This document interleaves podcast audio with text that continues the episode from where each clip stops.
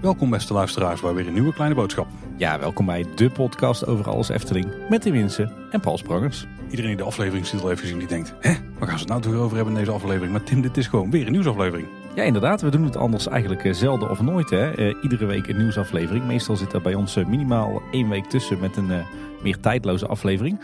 Maar deze keer eh, hebben we eigenlijk een nieuw concept. Eh, we dachten, we sluiten ons eens wat meer aan bij eh, alle andere pretparkpodcasts in Nederland. Dus we gaan gewoon iedere week een nieuwsaflevering maken. Nee. Nee, natuurlijk doen we dat niet. Nee, het komt planningstechnisch gewoon dit keer even zo uit. Dus vakantie hè, komt eraan. Ja, inderdaad. We moesten even wat shuffelen in de planning. En toen bleek dat het deze keer wat beter uitkwam voor ons beiden om even twee keer achter elkaar een nieuwsaflevering op te nemen. Maar dat geeft ons dus wel inderdaad eh, de ruimte om deze keer eh, wel eens wat eh, reacties van luisteraars te behandelen. Want dat is ook alweer een flinke tijd geleden. Zeker. En dan kunnen we meteen een follow-up induiken. En de, de follow-up gaat dan ook over de vorige aflevering. Ja, inderdaad. We zitten overal eh, kort op. Dat is voor onszelf eh, ook even wennen. Je zou bijna kunnen zeggen dat we dadelijk een, eh, een korte nieuwsaflevering gaan hebben. Het eerste berichtje wat we kregen was van Gert-Jan Aalpoel. We hadden het namelijk in de vorige aflevering over die schoolreisjes, waardoor het wel eens druk kon voelen door de week. En Gert-Jan die zegt dat er dit jaar extra veel schoolreisjes aan het begin van het schooljaar zijn. Omdat veel scholen de gemiste reisjes van voor de vakantie nog moeten inhalen. En dat er extra coronasteunbudget voor scholen is gekomen. En dat wordt ook ingezet om dan toch maar eens naar de Efteling te gaan. Ik zeg, wel een goede plek om geld te besteden dan. Hè. Om je geld op te maken, ja. inderdaad. Krijgen ze indirect nog meer steun van de staat. Maar vandaar dus eh, dat er eh, nog veel meer schoolreisjes zijn dan eh, normaal gesproken. Ja. We kregen ook wat reactie vanuit België. Want we hadden het de vorige aflevering over, volgens mij over het plaatsje Halle. En daarmee over BHV, eh, Brussel Halle Vilvoorde. En zowel Roel als Tom Segers die verbeterden ons. Want eh, Brussel Halle Vilvoorde is geen provincie of gewest, maar een oude kieskring. En nu is het gesplitst in Brussel voor de Brusselse Federatie. En Halle Vilvoorde voor de Vlaamse Federatie. Lekker off topic, maar we moesten het toch even rechtzetten. Ze maken het in België eh, lekker moeilijk. Ja, ik denk dat er eh, geen enkele Belg zal zijn die dat zal ontkennen. En wat we ons de vorige keer ook hardop afvroegen is hoe zit het nou als je in de pendelbus moet vanaf vak O? Moet je dan een mondkapje op of niet? Alex die wist het eh, verlossende woorden te brengen en uiteindelijk zag ik het ook op foto's van Jeroen 2. Maar mondkapjes die eh, zijn verplicht om in de pendelbus te dragen, maar die worden ook gewoon verstrekt door de Efteling. Dus eh, die eh, kan je niet vergeten. Ja, en verder hadden we opgevangen dat er eh, op momenten dat eh, de theaterzaal bij Caro erg leeg is, dat er dan op de dag zelf in het park nog wat aan promotie wordt gedaan voor Caro. Nou, Hans wist ons te vertellen dat er in dat geval van die klapborden, van die sandwichborden worden geplaatst vlak na de controlepoortjes in het Huis van de Vijf Zintuigen. Met de standaard Caro-poster zoals we die kennen. Met daarop de normale prijzen en heel groot dan de stuntprijs, zeg maar. De, de afgeprijsde, eh, het afgeprijsde bedrag waarvoor je dan kaartjes kunt kopen. Dus eh, dat gebeurt wel degelijk op het moment dat er nog heel wat ruimte eh, in de zaal over is. Maar of dat, dat nou echt heel erg goed werkt, weet ik niet. Misschien zouden ze daar toch nog wat, wat actiever op kunnen inzetten. Net zoals ze vroeger wel eens deden bij musicals. Dus gewoon echt op het Warrelplein en een standje waar je gewoon echt nog ter plekke kaartjes kan kopen. Of aan het eind van de, van de pretparkdag zelfs. Als je nou tegen de weersomstandigheden bestendige vo- uitvoering van die voertuigen maakt en die zet je buiten, volgens mij trekt daar zo'n hoop man. Die denken van, oh, nou, dat wil ik toch wel zien als er dat soort spectaculaire dingen op het podium verschijnen. Ja, en, en over alleen zo'n sandwichbord, daar kijk je nogal makkelijk overheen. Ja, blijkbaar, anders was het ons ook wel opgevallen. ja, inderdaad. Maar die sandwichborden met die stuntprijzen, die zijn niet nieuw, hè? want die hebben we in het verleden ook vaker gezien bij Ja. andere musicals. Ja. Nou, ze- doen er in ieder geval wel iets aan, dat scheelt. Maar ik zou zeggen, probeer die zaal iedere avond vol te proppen. Ja, zeker. Het is wel de moeite. We hadden het eh, de vorige keer ook nog over eh, de Efteling en eh, data science en data en insights. De, de nieuwe afdeling binnen de IT-afdeling die helemaal gaat voor ja, analyse van big data in, vanuit de Efteling-app. Ik zag nog iets leuks voorbij komen op LinkedIn. Een hele mooie video over het afstudeeronderzoek van Abuzar Abbas Pourgomi, als ik het goed zeg. Een student van de TUE. En zijn afstudeeronderzoek is genomineerd voor de Academic Award. Eh, en zijn onderzoek eh, ging over het toepassen van data science en machine learning in de Efteling-app. Onder meer om eh, de drukte in het park te voorspellen en te sturen. En dat is iets waar we eerder natuurlijk ook wat berichtjes over zagen. Dat we binnenkort druktevoorspelling bij attracties in de Efteling-app gaan krijgen. Nou, dat komt dus uit het afstudeeronderzoek van eh Abuzar. En eh, ja, hij is daarvoor genomineerd voor een award. Super interessant. Ga dat YouTube-filmpje zeker kijken. We zullen het opnemen in de show notes op kleineboodschap.com. En het leuke is dat, eh, dat het- die video eindigt met een prachtig citaat en prachtige filmbeelden van Anton Pieck. Met eh, de welbekende uitspraak. Al die zich aanpast aan de geest der tijd, vermoordt daarmee zijn persoonlijkheid. Wat op zich een. Uh... ja, in de context is het een bijzondere. Maar... Ja, want eigenlijk is dat juist heel, heel, tegenstrijdig met die ontwikkelingen van nu, denk ik. Uh, maar daar zal het team Data en Insights binnen de Efteling vast anders over denken. Hm, Oké. Okay. Een leuke video. En dan door naar de hoofdonderwerpen, Tim. En dan, dan moeten we aftrappen met een, met een heel groot nieuwtje. Ja, inderdaad. De vlag kan uit bij ons thuis. Want uh, ook mijn jongste dochter mag voortaan in uh, Max en Moritz. Dus Hoppatee. dat uh, was groot nieuws bij ons thuis. Wordt het nou het kortste hoofdonderwerp ooit? Of? Ja. Oké, okay, dan gaan we gauw door naar de volgende. nee, maar heel, heel vet. Wat vond ze ervan? Ja, ze was echt. Ik was er zelf trouwens niet bij. Ik weet even, oh ja, het was voor mij gewoon een werkdag. En, uh, en Anne die, die was vrij, dus die was met, uh, met de kleine alleen uh, het park ingegaan. Maar uh, die vond het uh, super vet. Ze wilde meteen een, een, tweede keer in een andere baan. En het tweede rondje heeft ze al met, met de handjes omhoog gezeten in de trein. En ze wilde ook meteen met, met papa naar de Efteling om in Max en Moritz te gaan. Dus nee, ik, op het moment van opnemen zijn we nog niet geweest. Maar ik kijk er echt, echt wel naar uit. Het is wel lekker dat we nu met, met beide dochters in Max en Moritz kunnen. Ja, nu komt daar het grote probleem, Tim. Nu moet je wachten totdat de oudste 1,30 meter is. Nou ja, 1,10 meter eerst maar eens. Nee, maar als ze namelijk 1,30 meter is, dan mag ze zelfstandig in Max en Moritz. En als je nu dus met z'n drieën gaat, dus jij met twee dochters, dan kan je daar niet in. En dan krijg je Ah, iedere ja. keer krijg je daar dus gedoe over. Daar zit jij natuurlijk mee, ja. Dat heb je laatst verteld. Ja, nee, dat komt er inderdaad ook aan op de woensdag, ja. Ja, Maar wacht nog een centimeter of vijf, dan is dat ook opgelost. ja. Kleine meisjes worden groot. Ja, Het eh, gaat heel snel. Hey, dan eh, door naar de wereld van Simbad. Want daar, ja, daar gebeurt echt een hoop. Het gaat vrij hard. Zelfs in de week die we dus nu hebben gewacht, is er alweer veel gebeurd. Hè? Ja, inderdaad. We houden natuurlijk alle videobeelden en alle bouwfoto's eh, flink in de gaten. En ook iedere keer als we zelf in het park zijn, gaan we er even kijken. Eh, en dat sommen we hier dan mooi weer, eh, weer op, iedere week of iedere twee weken. En Paul, als we dan beginnen met eh, de stand van zaken op de bouwplaats van de wereld van Simbad, dan moet ik eerst toch toegeven dat jij ergens gelijk over had en ik niet. Het was geen glazen wolverspelling, maar het ook trouwens wel iets anders dan ik mezelf had voorgesteld hoor. Ja. Maar we hebben daar twee rieten daken inderdaad. En de kleine van het hutje wat dus in het avonturendolhof stond, die heeft zo'n mooie gelaagde, ja, hoe noem je het, Gelaag, gelaagdheid gekregen zeg maar. Verschillende lagen die over elkaar lijken te liggen in het riet. Eh, en bij de grote kap lijkt dat ook zo te zijn, maar dan heel beperkt bovenin, maar wel met wel extra decoratie. Maar het, het ziet er wel vet uit. Ja, ik vind dat ze het heel mooi hebben gedaan. Er zit inderdaad eh, vrij ver bovenin zit, zit eh, zeg maar één, één strakke rand. En daarboven zit een soort golfpatroon hè, met allemaal houten balkjes die ja, die eruit steken. omhoog uitsteken. Ik weet niet helemaal wat het idee daarvan is. Het zal ook uit die gebieden of zo komen. Ik denk dat de kap een, een net iets meer exotisch uiterlijk moet geven en net wat minder Brabantse boerderij. Ja, laat het Michel niet horen.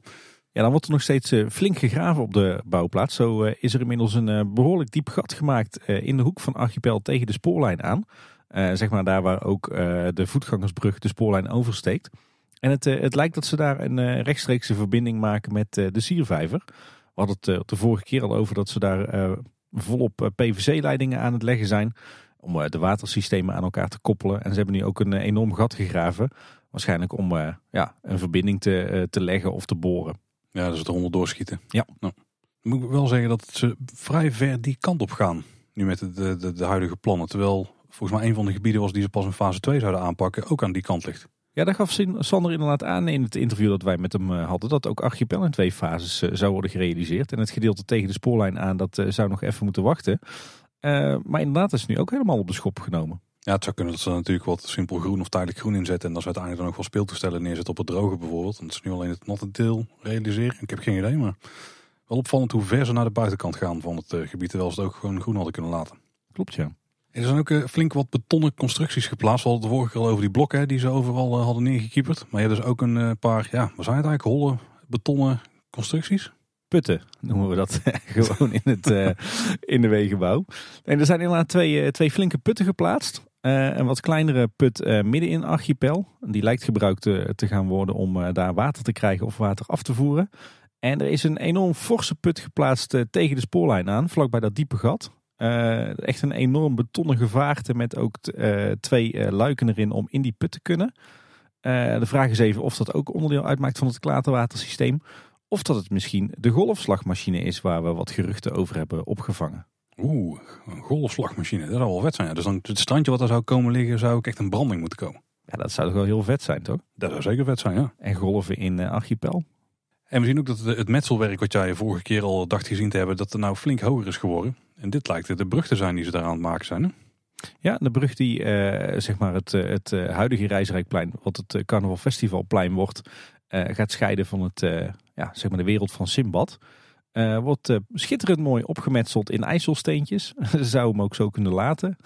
maar volgens mij, als we de, de plattegronden erbij pakken en de impressies uh, van Sander de Bruin, dan gaat hier nog een dikke laag stukwerk overheen. Om het een beetje exotisch uiterlijk te geven. Maar in ieder geval één leuning die blijkt, lijkt al een heel eind klaar te zijn. Dat is ook wel tof, want als je dan dus vanuit Sirocco daar naartoe kijkt, dan hebben ze er ook mooi een boog en zo in, in gemaakt. Waardoor het water weg lijkt te stromen richting ja, eigenlijk Vogelrok. Waar we dan straks ook nog wat water gaan zien verschijnen. Maar wel pas in eh, fase 2. Ja, ja, ja, En de betonnen wandjes waar we het vorige keer over hadden, waar ze dus die eh, bekisting vooral gemaakt die vormen, die zijn inmiddels ook gestort. Maar op het moment van opnemen zijn de kisten nog niet allemaal eh, verwijderd. Dat zullen we denk ik ook snel gaan zien. Het gaat dan om zeg maar de nieuwe waterpartij rond Sirocco. Die komt een heel eind op het, uh, het Reisrijkplein te liggen.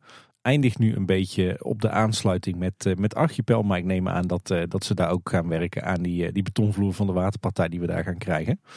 Uh, de vorige keer hadden we het erover dat het, het erop leek dat die waterpartij was uh, gestort met gekleurd beton. Met zwarte beton van die colorcrete. Maar het valt me nou op dat het beton van de nieuwe waterpartij wel heel licht opdroogt. Dus misschien is het toch, was het toch gewoon hele donkere gewone beton. Of wellicht als er straks wel water in staat dat die alsnog vrij donker kleurt. dat durf ik nu niet te zeggen op dit moment. Maar dat is nog even een, een vraagtekentje. En waar ook al wordt gewerkt, dat is het nieuwe deel van de wachtrij. Dus we hadden al gezien dat die blokken waren neergelegd, dat daar wat uh, verbindingen in zaten. Nu zijn ze ook echt uh, ja, eigenlijk de brug die dan de wachtrij vormt zelf aanmaken. Inclusief de overkapping die er overheen gaat komen. Want het lijkt ook weer een overdekte wachtrij te worden. Ja, en volgens mij gebruiken ze daar de oude overkappingconstructie voor van uh, het eerste gedeelte van de meandering van Monsieur Cannibal. En met die, die is weggehaald. Ja. ja, inderdaad. Ja. Die, eh, die hebben ze tijdelijk opgeslagen eh, de afgelopen tijd op de speelweide. En volgens mij wordt die nu gewoon weer eh, gemonteerd op de nieuwe wachtrij. En dan in de nieuwe vorm, de nieuwe slinger die die maakt. Ja. Slim. Ja, op het, het plein is nu ook een bruine stalen mast geplaatst. op de fundering van de nieuwe waterpartij. Die sluit aan op de nieuwe brug. En ik heb even op de tekening van Sander gekeken wat die bruine mast moet gaan worden. Maar dat wordt een, een gethematiseerde lichtmast. Dus die is ook al aangebracht. Ja, ook heel tof. In de vorige nieuwsaflevering hadden we het er al over dat er heel veel gasleidingen eh, eh, naar heel veel plekken lopen van het gebied. En toen grapten we al bijna een beetje van, ik hoop niet in de buurt van, van de overkapping. En jij zei volgens mij dat prima kon. Nou, het blijkt dus ook prima te kunnen, want als we het goed hebben gespot op een van de video's van Eftel Wesley, dan is er één armatuur die onder de kap hangt, waar gasleidingen in uitkomen. Dus er lijken gewoon dadelijk echt gasle, flikkerende gaslichtjes te komen. Zou toch weer heel gaaf zijn als we daar van die gaslampjes krijgen zoals we die kennen van het nieuwe Antropiekplein bij de Smulpaap. En, uh, en ook uh, Main Street USA uh, in Disneyland Parijs. Hè? Ja, maar ik vraag me bijna wel van waarom gaan ze hier niet voor die, die kaarsvariant zoals ze die ook hebben bij de Zes Zwanen. Want ja. zeker in die glazen armatuurtjes die ze hebben, met niet super transparant glas, maar met een beetje wat grover glas, dan werkt het ook prima toch? Misschien dat we hier dan toch in die armaturen wel gewoon helder glas krijgen. Dus dat we echt de vlammetjes gaan zien. Dat is natuurlijk wel een heel tof effect, wat het meteen ja. ook echt zo'n oosters uiterlijk geeft. Zeker in donker heel vet doet me, ik denk dat het vooral gaat, uh, gaat lijken op de armatuurtjes die we zien zitten in uh, de arcades uh, links en rechts van Main Street USA. Mm -hmm. Daar heb je ook van die mooie glazen bollampjes zitten met gasvlammetjes. Nou, dat zou zeker cool zijn. Ja, Eftelingse straat heeft trouwens ook nog wat prachtige foto's gemaakt van de vele nieuwe verlichtingsarmaturen die onder de kap zijn opgehangen met de telelens. Dus we zullen de link naar hun artikeltje daarover ook even in de show notes zetten. Tim, hoe zat het nou met al die uh, nou, verschillende hoogtes uh, buizen die op die betonblokken stonden? Ja, daar eh, hebben we ook wat meer van gezien, dankzij wat getalenteerde fotografen. We hadden het er al even over dat er wat houten klossen op die betonblokken waren geplaatst. Maar als ik het volgens mij goed zie, dan zijn dat kistjes om waar mogelijk nog wat beton wordt in gestort. Zodat je daar een, ja, eigenlijk een betonnen opstorting krijgt op die betonblokken. Waar je dan vervolgens iets van een constructie of een huisje op kunt zetten. Er is wel uh, ook wat meer te zien van die, uh, ja, het zijn een beetje beige, lichtbruin uh, gekleurde stalen ronde voetjes. Mm -hmm. die op heel veel betonblokken zijn aangebracht. Die hebben ook allemaal verschillende hoogtes. En als je dat zo ziet op luchtfoto's, dan lijkt dat toch verdacht veel op de onderbouw voor de hutjes in Archipel. In die stalen voetjes hebben ze ook vierkante uitsparingen aangebracht. Uh, waar ze wellicht uh, de houtconstructie van de hutjes uh, in gaan steken. Er zitten ook gaten in die stalen kolommen voor ja, zeg maar schroeven of bouten. Dus ik vermoed dat dat echt ja, zeg maar de onderbouw wordt van de, de, de exotische hutjes in Archipel. Nou, slim. En wat we ook al zien is dat het metselwerk voor het rotsblok waar die attractienaam op komt, dat die ook gereed is. Maar er moet nog veel aan gebeuren voordat het eruit uitziet als een rotsblok. Hè? Ik eh, denk dat we daar inderdaad nog wat uh, wapeningstaal gaan zien en wat gaas en, uh, en wat spuitbeton voordat het een beetje op een rotsblok lijkt. Ja. En wat we ook hebben gespot, en dat is misschien wel het allerbelangrijkste Tim van dit project en het, het meest hoopgevende van het project. Ja, Henk Schelkes loopt rondom de bouw. Ja, zeker. Nou, dan moet het gewoon goed komen. Ja, inderdaad. Dan had ik daar toch al wel geen zorgen om als ik zie in wat voor tempo dat er, dat er gebouwd wordt. En volgens mij wordt er trouwens ook heel veel achter de schermen op de speelweide en in het Gildenhuis gedaan. Ehm, het kan bijna niet anders met al die voorzieningen die ze op die betonblokken aanbrengen. Dat we straks bijvoorbeeld die hutjes gewoon volledig prefab aangevoerd worden. Dus volgens mij gaat er straks in korte tijd heel veel te zien zijn daar. Maar nee, inderdaad, Henkes loopt ook weer rond. Dus ja, dan weet je het, dat het op bouwkundig gebied goed gaat komen. En Henk is trouwens niet de enige uitvoerder die rondloopt. Want ik heb ook wat beelden van Frank Poels gezien inmiddels. De andere hoofduitvoerder van de Efteling. Die zich dan met name op het werktuigbouwkundige deel richt. Want die kwam voorbij in een, ja, wat was het? Een, een beetje een teaser van de making-of. Ja, want de making-of van de wereld van Simbad, die is nou inmiddels uit. Tenminste, de allereerste aflevering daarvan. Maar die hebben we alleen nog niet gezien. Want die kwam precies ja, net na het opnemen van deze aflevering uit, Tim. Ja, inderdaad. Dus uh, daar moeten jullie nog even op wachten op onze analyse van die making-of. Maar ja, wel een hele toffe verrassing dat er toch nog een making-of gaat komen. Want ik, uh, ik had dat niet verwacht. Ik denk dat wordt weer verwerkt in uh, onze favoriete YouTube-serie ondertussen in de Efteling. Daarover later meer. Nee, maar er komen drie afleveringen. En de eerste die komt uit op donderdag 14 oktober. Dus het zou wel zo kunnen zijn dat dan 14 eh, november rond die tijd er nog eentje uitkomt. En dan denk ik rond de opening nog eentje. Ja, half december. Dat is volgens mij ook het moment uh, dat uh, ooit is uitgelekt dat het hele gebied zou gaan openen. 14 december, ja. Het zou ja. zomaar kunnen. Ik kijk er in ieder geval naar uit om de making-of te zien. Nou, en het is natuurlijk leuk dat wij hier allemaal over kletsen. Het is nu heel mooi dat er een making-of is. Maar je kunt natuurlijk ook gewoon eh, video's van de liefhebbers kijken of de foto's op eh, Twitter volgen. Maar volgens mij heb het al vaker getipt. Eftel Wesley die legt in uh, alle details vast wat er allemaal gebeurt op de bouwplaats. Ja, en uh, Jeroen 2 en Niels Kooijman die zijn daar ook erg bedreven in. Ja, dan door naar Bakkerij Krummel. Daar weten we eindelijk van wanneer die gaat openen. Zaterdag 4 december is de grote dag. Dat ik een pretzel in mijn bek steken mag. ja, je bent al helemaal in de Sinterklaas stemming, Paul. Het rijmen gaat je al eh, goed af. Nou, ik zou al. Het wordt wel een beetje uh, dringen, denk ik, voor die schoorsteen uh, een dag later. Ja. Maar daar hoeven wij ons niet druk om te maken. En ter ere van het aankondiging van de datum heeft de Efteling ook best wel veel informatie uitgebracht over wat er allemaal te krijgen zal zijn straks, naast de pretzels. Ja, want er kwam een interview online op de Efteling blog met Melvin van Brakel, de projectmanager horeca, over dat assortiment van een bekkerij Krummel. Later trouwens ook nog wat extra toelichting vanuit de webcare. Uh, met dank aan wat uh, kritische vragen van uh, Stefan Rosbeek. Ook luisteraar van ons, die deelde die met, met ons. Maar we weten inmiddels, nou ja, volgens mij alles over het assortiment van Bekkerij Krumel. Nou, in ieder geval alles wat we in het begin gaan krijgen. Want er zijn ook wat seizoensgebonden items te krijgen straks. Klopt, ja. ja. We gaan zo doorlopen, maar misschien moeten we eerst even stilstaan bij een hele toffe foto die ook werd gedeeld. En een heel tof nieuwtje wat werd gedeeld bij het bericht. Want er komt namelijk ook een, een hele bijzonder over te staan in Bekkerij Krumel. Ja, ik had er nog nooit van gehoord. Ik dacht eerst dat er stond dubbeldek oven, maar het is een, een dubbele dekoven. Oké, ja.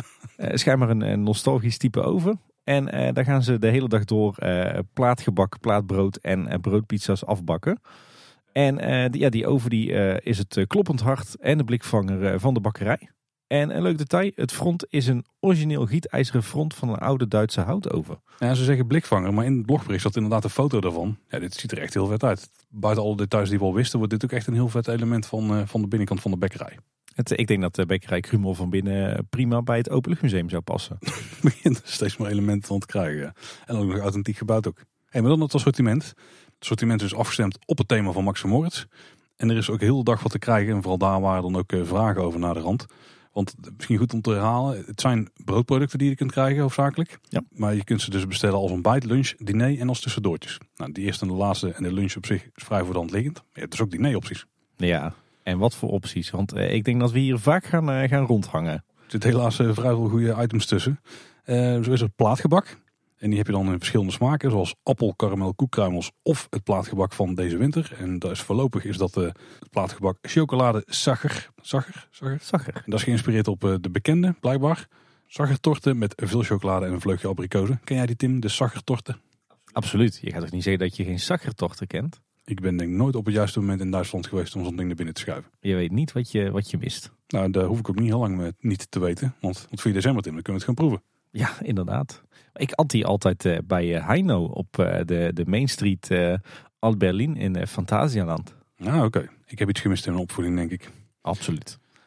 Hey Paul, en dan de signatuursnack, laten we hem zo maar even noemen. Dat is op zijn Duits, Tim. Een signatuur eh, snack of zo. Van Bekkerij Krumel, want die gaan we krijgen. Deugnieten. En zo luidt de omschrijving, dat zijn zachte, zoete broodjes met speculaaskruiden. En waar deed jou dat aan denken toen je het las? Ja, dat zijn gewoon mikke mannen, toch? Inderdaad, volgens mij gewoon inderdaad de echte Ketsheuvelse mikkemallen. Ja, ik denk eigenlijk vrij slim. Dit, wat dat betreft is het echt een ideale manier om het verhaal van Max en Moritz te combineren met iets heel lokaals. Ja. Wat je eigenlijk nergens anders kunt krijgen. Super tof.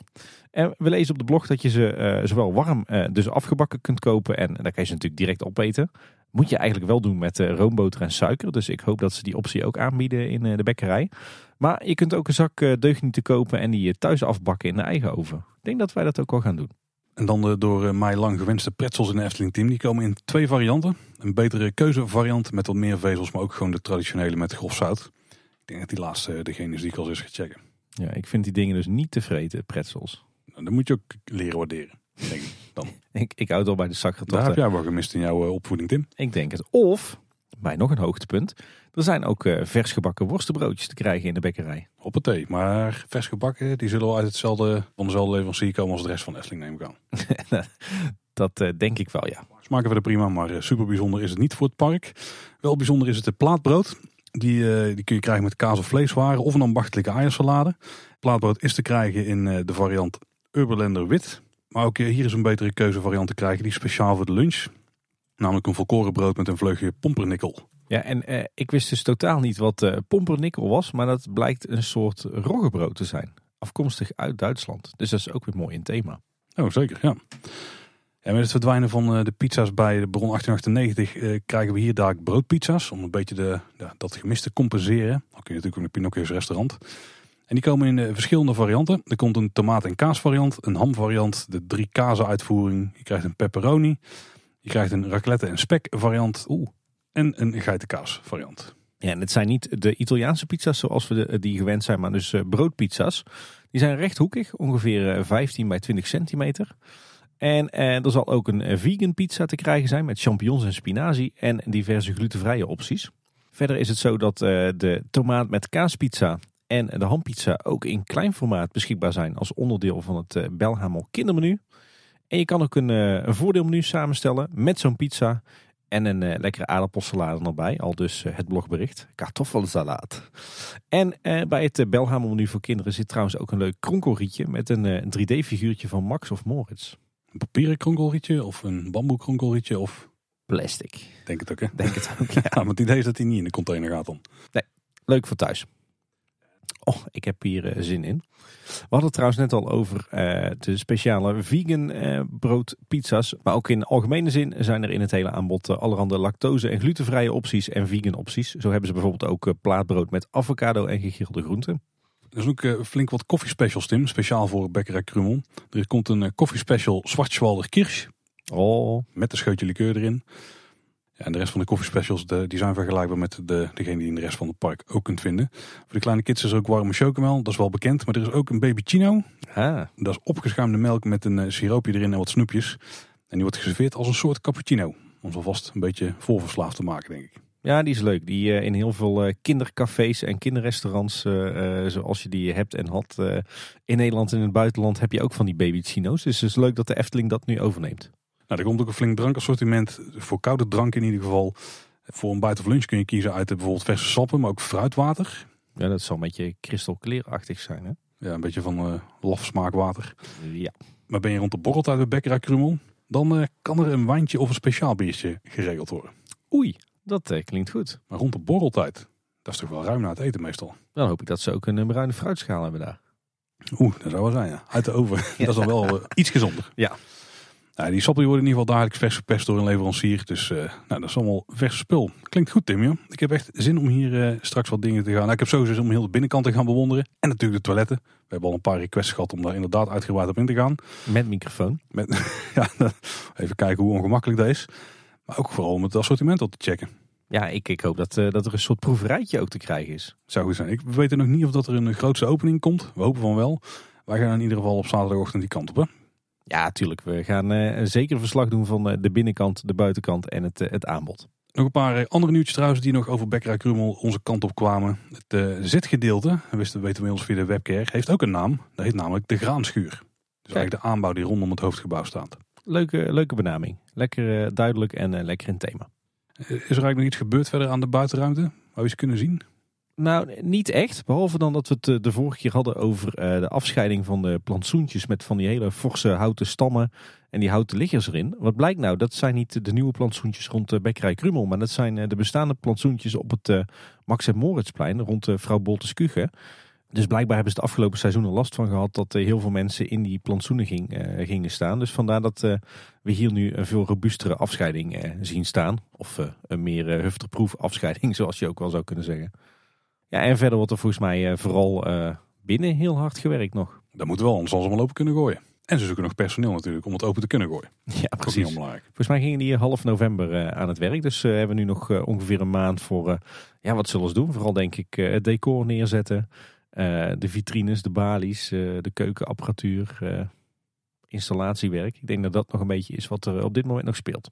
Mochten ze nog voorproevers nodig hebben, dan weet je ons te vinden. Wij eh, zijn daar zeker voor in en eh, we zijn altijd genegen om er een bonusafleveringetje aan te wijden. Zeker. Ja, dan door naar wat nieuwe informatie over de winterefteling van eh, het komend seizoen. Daar weten we inmiddels wat meer over, want er is een persbericht uitgegaan over de winterefteling. Ja, en daar ging het natuurlijk over de warme winterweiden en de kerstbomen en de potkacheltjes. Maar het kleine boodschap winterwoord kwam er eindelijk ook weer in voor. Guirlandes. Guirlandes, die gaan we ook weer terug zien. Is het de eerste keer dat ze het ook echt communiceren, dat die er zijn? Ik heb het nog niet eerder bewust gezien in ieder geval. Nee, nee. Is het, uh, is het uh, een soort buzzwoord? Ge... Is het gaan leven? Ja, dat ja. zou zomaar kunnen. Ja. Uh, in het persbericht nog een paar kleine nieuwtjes of bevestigingen eigenlijk.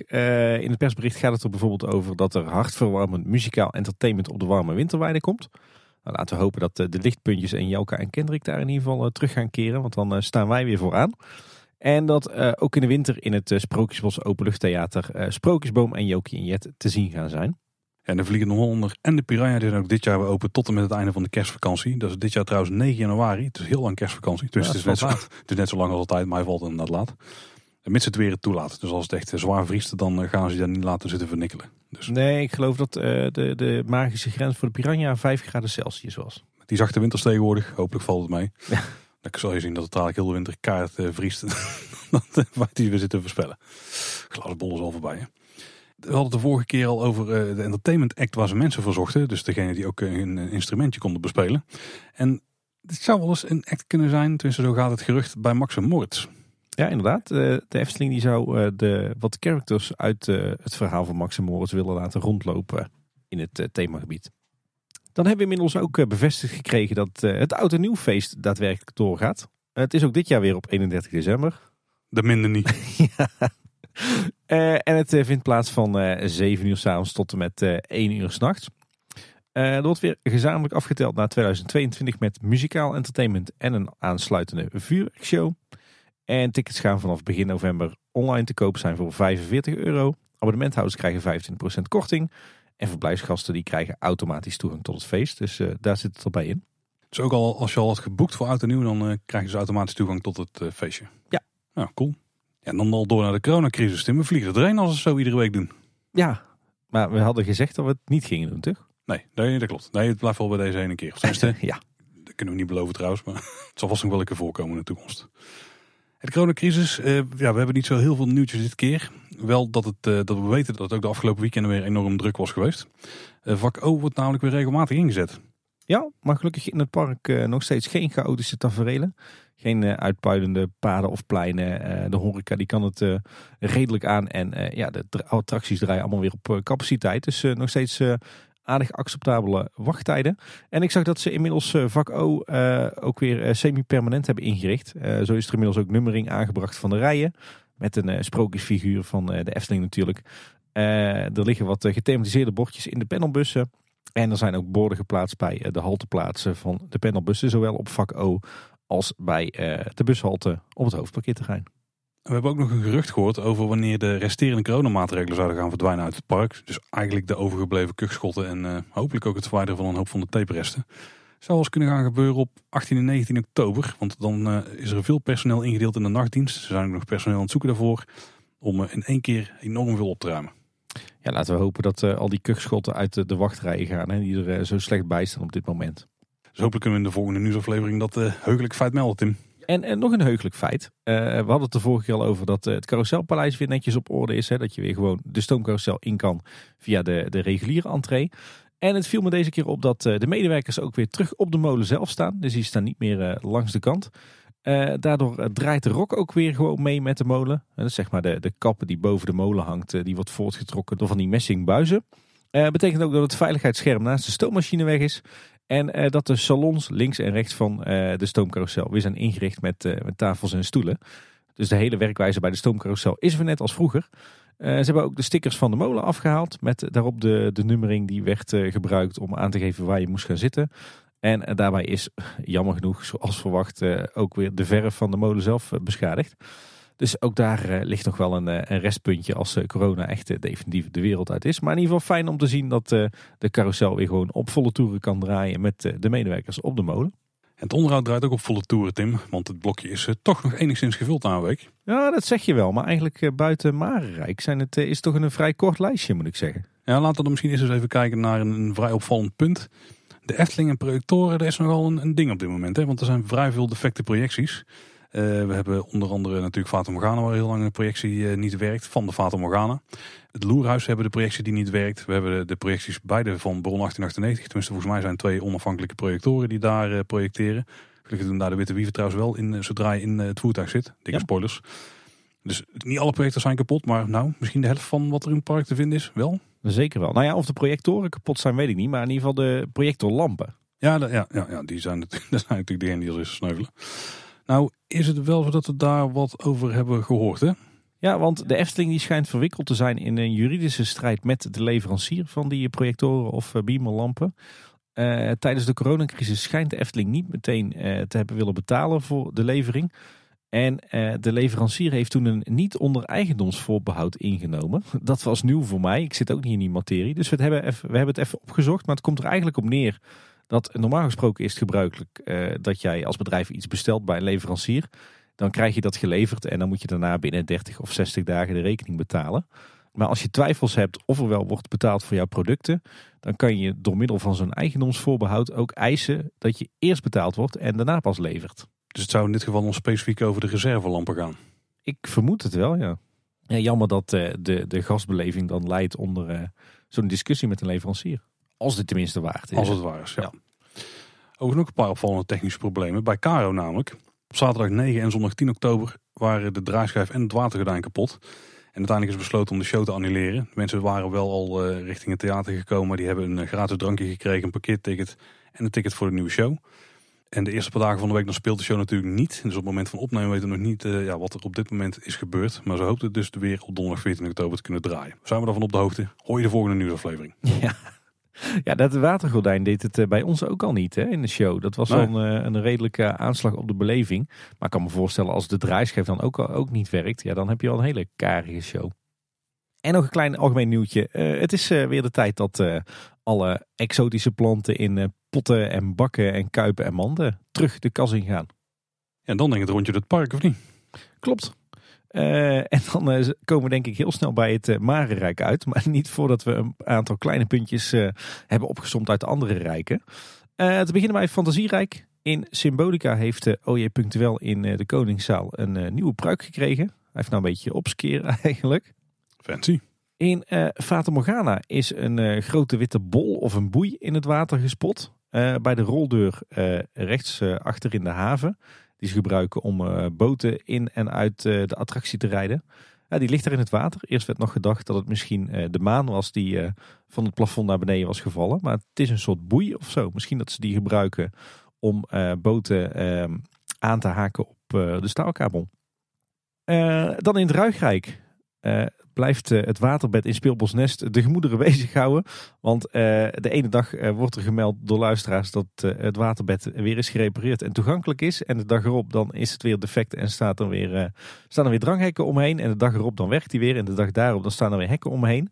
Dus ja, dit is een beetje de, de molen van het Larikoekenhuis, maar dan de 2021 versie. Ja, maar bij de molen van het Larikoekenhuis kan ik me nog steeds voorstellen dat iemand gewoon vergeet de schakelaar om te zetten. Maar zo werkt dat hier niet, hè, als je er omheen gaat sjouwen en zo.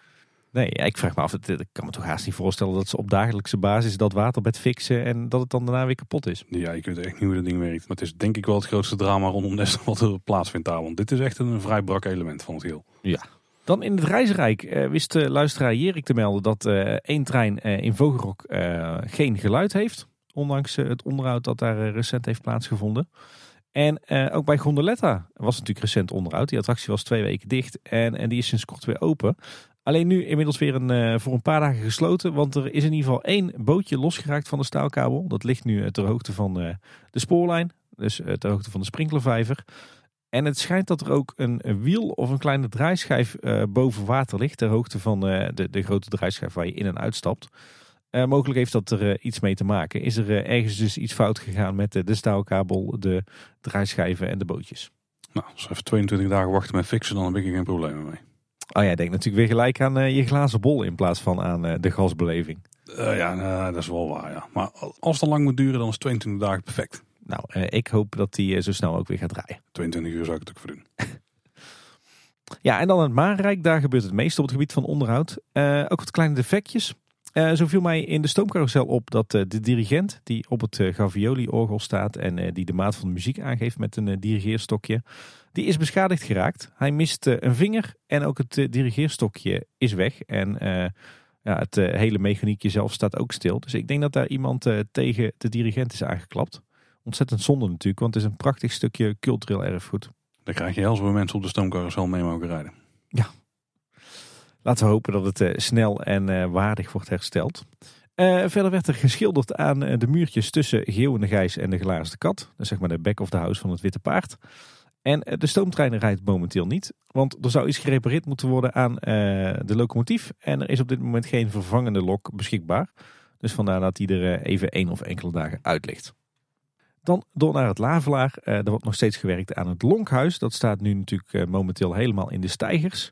Momenteel worden de leidjes van de daken afgehaald. Die worden tijdelijk opgeslagen. En de panlatjes worden van de daken afgesloopt. Die gaan wel de container in. Uh, dus ik vermoed dat de hout uh, rot is of aangetast door uh, houtborende insecten, zoals we de vorige keer al benoemden. En verder is er nog geen geluid in het loof- en eerhuis bij het gat der laven. En het viel mij op dat een groot aantal van de coniferen die rond het loerhuis horen te staan, op die hoge natuurstenen zuilen, mm -hmm. die missen. Daar zijn er nog maar een paar van over. Dat waren die gevormsnoeide bomen, weet je wel. Ja. Ja, dan blijft in het park alleen het Sprookjesbos nog over. Ja, en daar is flink gewerkt, wordt nog steeds flink gewerkt. onder meer bij Pinocchio. We hadden het de vorige keer al over dat uh, de monstervis uit de stijgers is. En dat die prachtig uh, uh, opnieuw gedecoreerd is. onder de fans en de liefhebbers enorm veel enthousiaste reacties op het, het nieuwe uiterlijk van die vis. Eftelingsestraat.nl heeft ook een mooie fotoreportage gemaakt. We zullen daarna linken in de show notes. En inmiddels werkt het geheel ook weer. de bouwhekken zijn weg. Er staat weer water in de vijver. En de meeste bewegingen van de vis die werken ook. Hij doet zijn bek weer open. Alleen het, eh, het watereffectje, dat eh, doet het nog niet. Normaal gesproken dan spuit er zo nu en dan wat water uit zijn, zijn luchtgat bovenin. maar dat, ja, dat werkt nog niet. Er wordt ook van een paar luisteraars dat het misschien een, een, maatregel was om te voorkomen dat hij zo snel weer vies werd. Hmm. Zit wat in. Dus dat hij misschien niet meer terugkomt, dat effect. Zou kunnen. Wel, wel jammer. Hè? Het is natuurlijk wel ergens een leuk schrik-effect. Ja, ja, dat zeker. Dan bij de Indische waterlelies. Het uh, voorplein is nog steeds afgesloten, jammer genoeg. Dus we kunnen nog steeds die nieuwe flagstones uh, niet bewonderen. Maar wat we wel zagen van een afstandje is dat de gaanderij onder dat nieuwe rotswerk... die is uh, helemaal wit gesausd. Die kolommen die zagen er ook redelijk verfonfaaid uit. En nu zijn ook weer die sierlijstjes die op de kolommen zitten voorzien van goudverf. Dus dat ziet er allemaal super strak uit. Ik moet zeggen, ook de beelden die we blijven zien van uh, het nieuwe rotswerk daar, die zijn toch wel heel indrukwekkend hoor. Dat hebben ze echt heel goed gedaan. En dan binnen bij de Indische waterlelies nog een kleine fix. Want je hebt daar natuurlijk vier kikkers zitten, hè, het kikkerorkest. Uh, de meest rechtse kikker met de sambaballen, die beweegt uh, op en neer met zijn, met zijn hoofd. En daardoor scheurde zijn nek telkens open. Maar ze hebben die kikker nu aangepast. Want nu hebben ze eigenlijk een soort kool als het ware van de kooltrui, hebben ze aan zijn hoofd uh, vastgemaakt. Maar die hebben ze aan de onderkant, uh, dus daar waar dat hij aansluit op zijn lijf, hebben ze die losgehouden. En uh, daardoor kijk je niet in de mechaniek van zijn nek, maar het scheurt ook niet meer. Dus dat hebben ze slim aangepast. Hmm, slim, ja. En verder viel bij, de, bij het meisje met de zwavelstokjes nog op dat, even, nog even los van het feit dat de verlichting daar nog steeds niet aangaat tussen de shows, dat de folie waarop geprojecteerd wordt echt extreem vies is. Dat je ook echt ziet tijdens, tijdens de projecties. Dus ik vraag me af hoe dat kan, want in mijn tijd was uh, de show van Het Meisje met de Zwavelstokjes echt nog uh, verboden terrein. Juist om te voorkomen dat, dat folie vies werd. maar daar, daar, moet echt een keer een nieuw folietje in, want het ziet er niet uit. En de sprookjesboom die had last van een gescheurde onderlip, maar die is inmiddels ook weer gemaakt. En gaan we dan nog even buiten het park kijken in de wereld van de Efteling. Dan valt nog op dat er in Bosrijk wordt gewerkt aan het landhuis. Met wat hoogwerkers, dus mogelijk wordt daar wat geschilderd. En de gemeente heeft nog wat huiswerk aan de Kinkerpolder. Want de Efteling die houdt natuurlijk eh, netjes al haar bomen goed in de gaten. En daar waar bomen eh, gevaarlijk worden omdat ze ongezond zijn, dan eh, wordt het allemaal meteen gesnoeid en gekapt. Maar het viel mij op dat aan de Kinkerpolder al een hele tijd een dode berk staat, zonder blad. En die is inmiddels zo dood dat hij ook vol met paddenstoelen zit. Dus volgens mij is dat ding best wel gevaarlijk, zo vlak langs de weg. Dus daar moet de gemeente nog even wat aan gaan doen. Kijk. Nou, dan door naar het kort nieuws. De première van de grote Efteling Koekoekshow die is geweest. Die was in het eh, Eindhovense Parktheater. Wij waren er overigens niet bij, dus we weten nog steeds niet heel veel van de inhoud. Maar wel iets meer. Ja, want uh, er stond een mooi verslag in het uh, Eindhovens Dagblad. En daaruit kwam eindelijk iets meer duidelijkheid over het plot. en dan lees ik even voor uit het artikel. Alle magie in het park blijkt afkomstig uit het hart van de Efteling. Een geheime plek waarvan alleen de oprichter de locatie wist omdat de controlekamer nu weg is uit de goed beveiligde Efteling, dreigen hackers die te achterhalen. Alleen als het met hulp van de zaal lukt om, de, om eerder de locatie te vinden, kan de magie nog gered worden. We weten iets meer inderdaad. Ja. ja het draait in ieder geval allemaal over een, uh, rond een geheime controlekamer die wordt bedreigd door hackers. Ik heb ook een videootje gekeken wat Bart Baan heeft geschoten, want die was er uh, wel bij. En daardoor wordt het misschien nog iets duidelijker wat er gebeurt. Want ze geven wel wat hints tijdens de interviews met de verschillende acteurs. Maar ook met Fons trouwens en René. En die hebben beide een rolletje in het geheel, Tim. Oh, vertel, want dat heb ik nog niet meegekregen. Nou, Fons die eh, maakt in ieder geval zijn opwachting eh, door middel van filmbeelden. Dus die, die zie je zeg maar eh, achter het podium. En, het, op het podium staat een, een podium in de vorm van een F van de Efteling E eigenlijk. Maar dat is denk ik, ja, dat is de control room. En misschien ook niet. Het zal niet hard van de Efteling zijn dan. Dat zal nog een, een los element zijn. Het is voor ons ook nog deels allemaal onbekend. Hè? Maar en René die, die zit er niet ehm, in beeld in. Maar je hoort zijn gefluit wel. Oké. Zijn eigen gefluit. Ja, ja, ja. Hij heeft weer eens wat ingefloten. En als je verder naar het decor kijkt, dan, uh, dan, dan die grote Efteling, die staat echt in het midden. Er is een groot videoscherm wat daarboven hangt.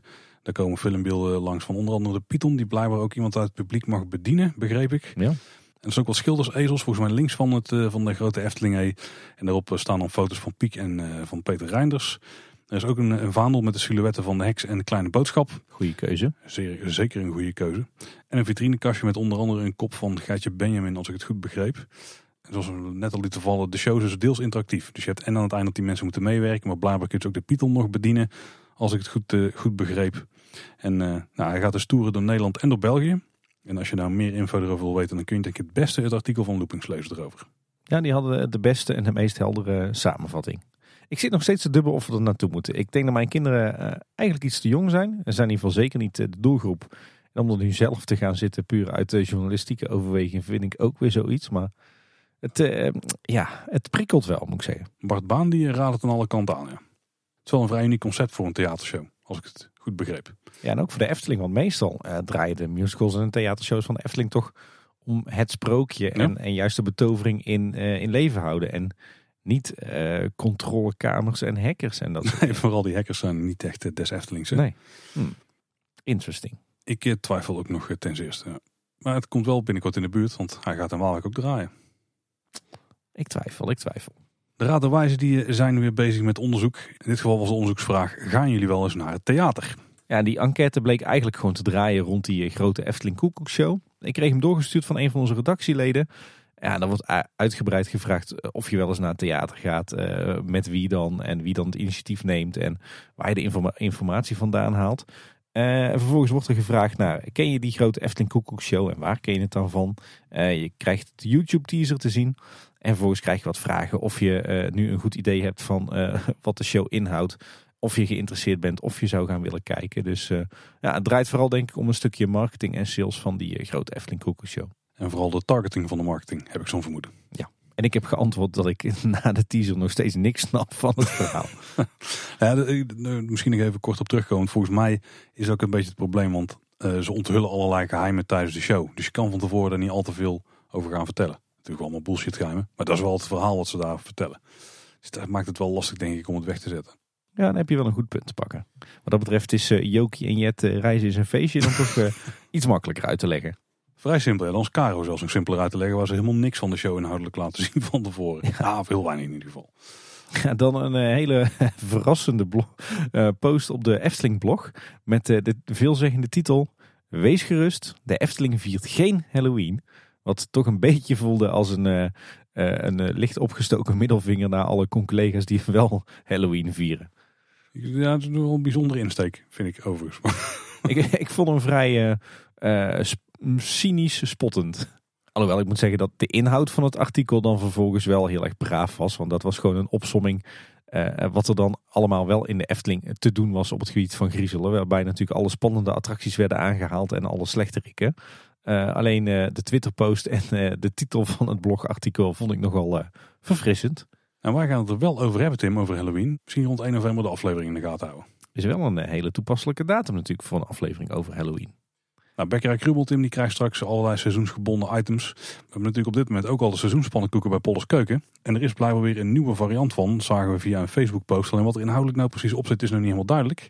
Het lijkt in ieder geval eh, iets van speculaas op te zitten. Oh. Witte chocoladekrullen en een fruitmoes. In ieder geval iets wat er een beetje rood-roosachtig uitziet. Dus het zal aardbeien, frambozen een beetje in die hoek zijn, vermoed ik. Ik eh, moet hem eh, snel weer gaan uitproberen. Want die eh, seizoenspannenkoeken van de Pollen, dat zijn toch wel mijn all-time favorieten in het horeca-aanbod van de Efteling. Dat is goed in handel, of niet? Dan druk je dat nog zacht uit. Ook goed in handel zijn alle items die de Efteling uitbrengt in een eh, merchandise aanbod. Nou, dat zeg jij, maar ik geloof dat de verkoop van de winnende pin van de ontwerpwedstrijd, dat die toch wel tegenviel. Is het dan de eerste keer dat ze wel de oplage goed hebben ingesteld? ja, blijkbaar. Ja, ik weet niet of dat het tegenviel, maar de verkoop daarvan die verliep eh, ja, vrij braafjes eigenlijk. Hè? Ik geloof dat er, eh, ze reikte 's ochtends bonnetjes uit bij de pennenveer. Maar er bleven gewoon eh, bonnetjes over. Ja, dus geen chaos daar, gelukkig. Dus uiteindelijk lagen er voor de reguliere verkoop nog een hoop in de, in de Marskramer. Ja. De Efteling heeft trouwens ook specifieke winterse souvenirs aangekondigd. Een hele berg, ook weer middels een blogbericht. Allerlei ornamenten en winterballen voor eh, in de kerstboom of om je huis te versieren. De glazen ornamenten die zijn allemaal in een sprookjesbos thema. Ja, ja, jij zegt glazen ornamenten, maar ze deden mij eigenlijk vooral denken aan kerstballen in de vorm van een Efteling sprookjesfiguur. Dat is dus een glazen ornament. Zo blijkt. Ja, eigenlijk is iedere kerstbal een glazen ornament, toch? Ja, daar heb je helemaal gelijk in. Ja. Mits het eh, ouderwetse glazen kerstballen zijn natuurlijk. Moet zeggen dat afgaand op de foto dat ze er nog vrij aardig uitzien. Dus even afwachten hoe ze natuurlijk eh, in het echt uitpakken. Ik vind ze er eh, vrij mooi uitzien inderdaad voor eh kerstkitsch. Als het goed is zijn trouwens op het moment dat deze aflevering uitkomt... Langnek, Ezel en Roodkapje al te koop bij Efteldingen en de Marskramer. En de ornamenten van Klein Duimpje, Draak en de Paddenstoel die komen iets later. En ja, die zijn, komen naar verwachting de komende week in de verkoop. Nou is het zo dat Reus, Wolf en Assenpoester exclusief te koop zijn in de Efteling. En de oplettende luisteraar die mist dan natuurlijk nog Reus, Wolf en Assenpoester. Eh, nou, wat blijkt, die gaan exclusief te koop zijn in de Efteling en pas te verkrijgen zijn bij de start van de Winter Efteling. Dat is eh, volgens mij eh, uit het hoofd 15 november. Die kun je namelijk gaan kopen bij de Warme Winterweide. En eh, overigens ook bij de Marskramer vanaf dat moment. Eh, alle andere glazen ornamenten, die worden dus niet exclusief bij de Efteling verkocht. Die zijn ook te krijgen bij diverse tuincentra. En de ballen van Jokie die kun je ook kopen. Nou, ze zijn straks in ieder geval te koop bij Efteldingen en Jokies Wereld. En als de warme winter Efteling start ook bij de warme winterweide. Je kunt ze kopen in de uitvoeringen met de Jokie zelf. Dus de, noem het de vanille uitvoering. Met de Russische rode neus, de Hawaiian en de Hollander. Jokie kost 6 euro per stuk. En de andere drie die kun je kopen in een setje voor 12,50. Deze waren vorig jaar echt enorm hard de winkel uitgevlogen. Ja, inderdaad. Dus mocht je ze willen hebben. Ik, ik weet niet of ze het weer ruim hebben ingekocht of nu wel. Maar ben er dan in ieder geval snel bij. Ja, en dan eh, door naar vacatures. Het is nog steeds eh, één groot eh, vacaturefeest voor wie graag bij de Efteling komt werken. Momenteel 43 vacatures. Een selectie van wat nieuwe vacatures.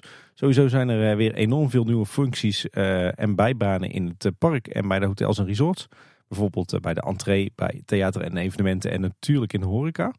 Maar ik zag ook een interessante vacature voor tactisch teamlead horeca fast service.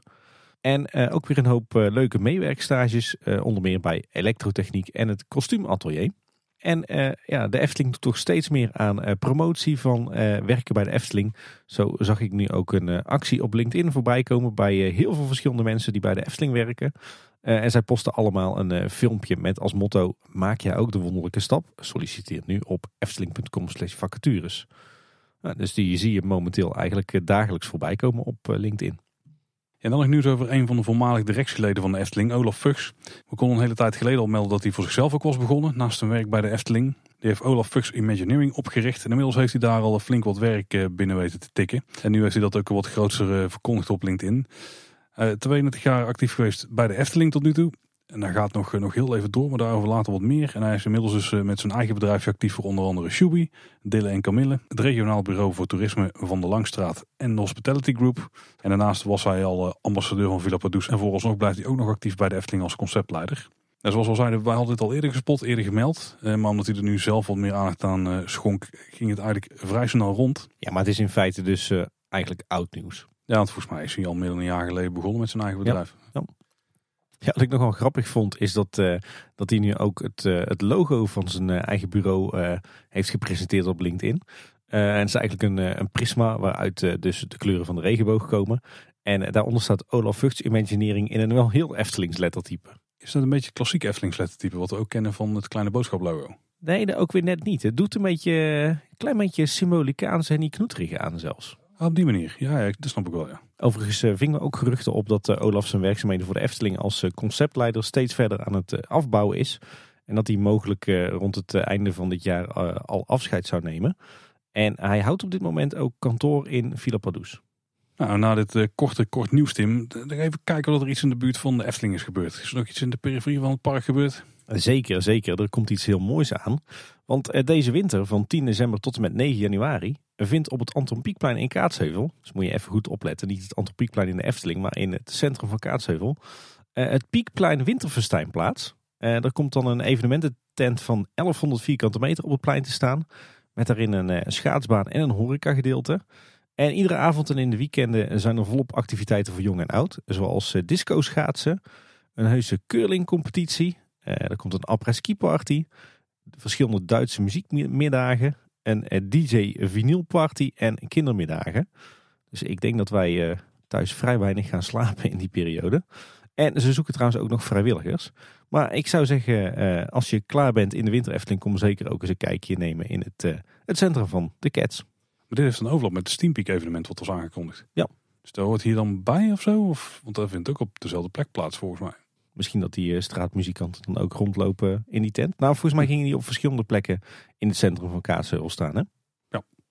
Gespot een bekende Eftelinger, Luc de Portier. Die stond namelijk als portier ook bij de concertreeks van Snollebolletjes. Ja, dat had ik hem niet verwacht. Hij stond links en rechts, serieus. En er loopt op dit moment ook een, een actie, Drop Je Knife. Hè, lekker straattaal om eh, mensen te motiveren om eh, wapens die ze thuis hebben liggen in te leveren zonder dat je daarvoor beboet wordt. Ik was al onderweg met mijn messenblok van Ikea.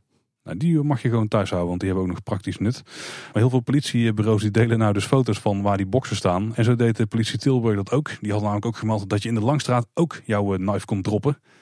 Het is dan wel bij een, uh, ja, een soort container die dan voor in een route staat. het politiebureau hier in, uh, in Waalwijk. Dus motiveren je dus ook een beetje om je trompet daar uh, af te leveren. Ja, het zag er wel vreemd uit om inderdaad illegaal wapenbezit geassocieerd te zien worden met een, een ouderwetse heraut van het Herautenplein. Overigens staat dat, het, wat jij zei, bureau Waalwijk, maar officieel is dat bureau de Langstraat. Hè? Dat ligt volgens mij officieel in Sprankapelle. Dat is gemeente Waalwijk. Het, het, ligt in de buurt bij het NH Hotel. Dus het is toch een klein beetje kaatsheuvel. Ja, nou dan moet je heel ruim rekenen. Ja, ja, ja groot kaatsheuvel.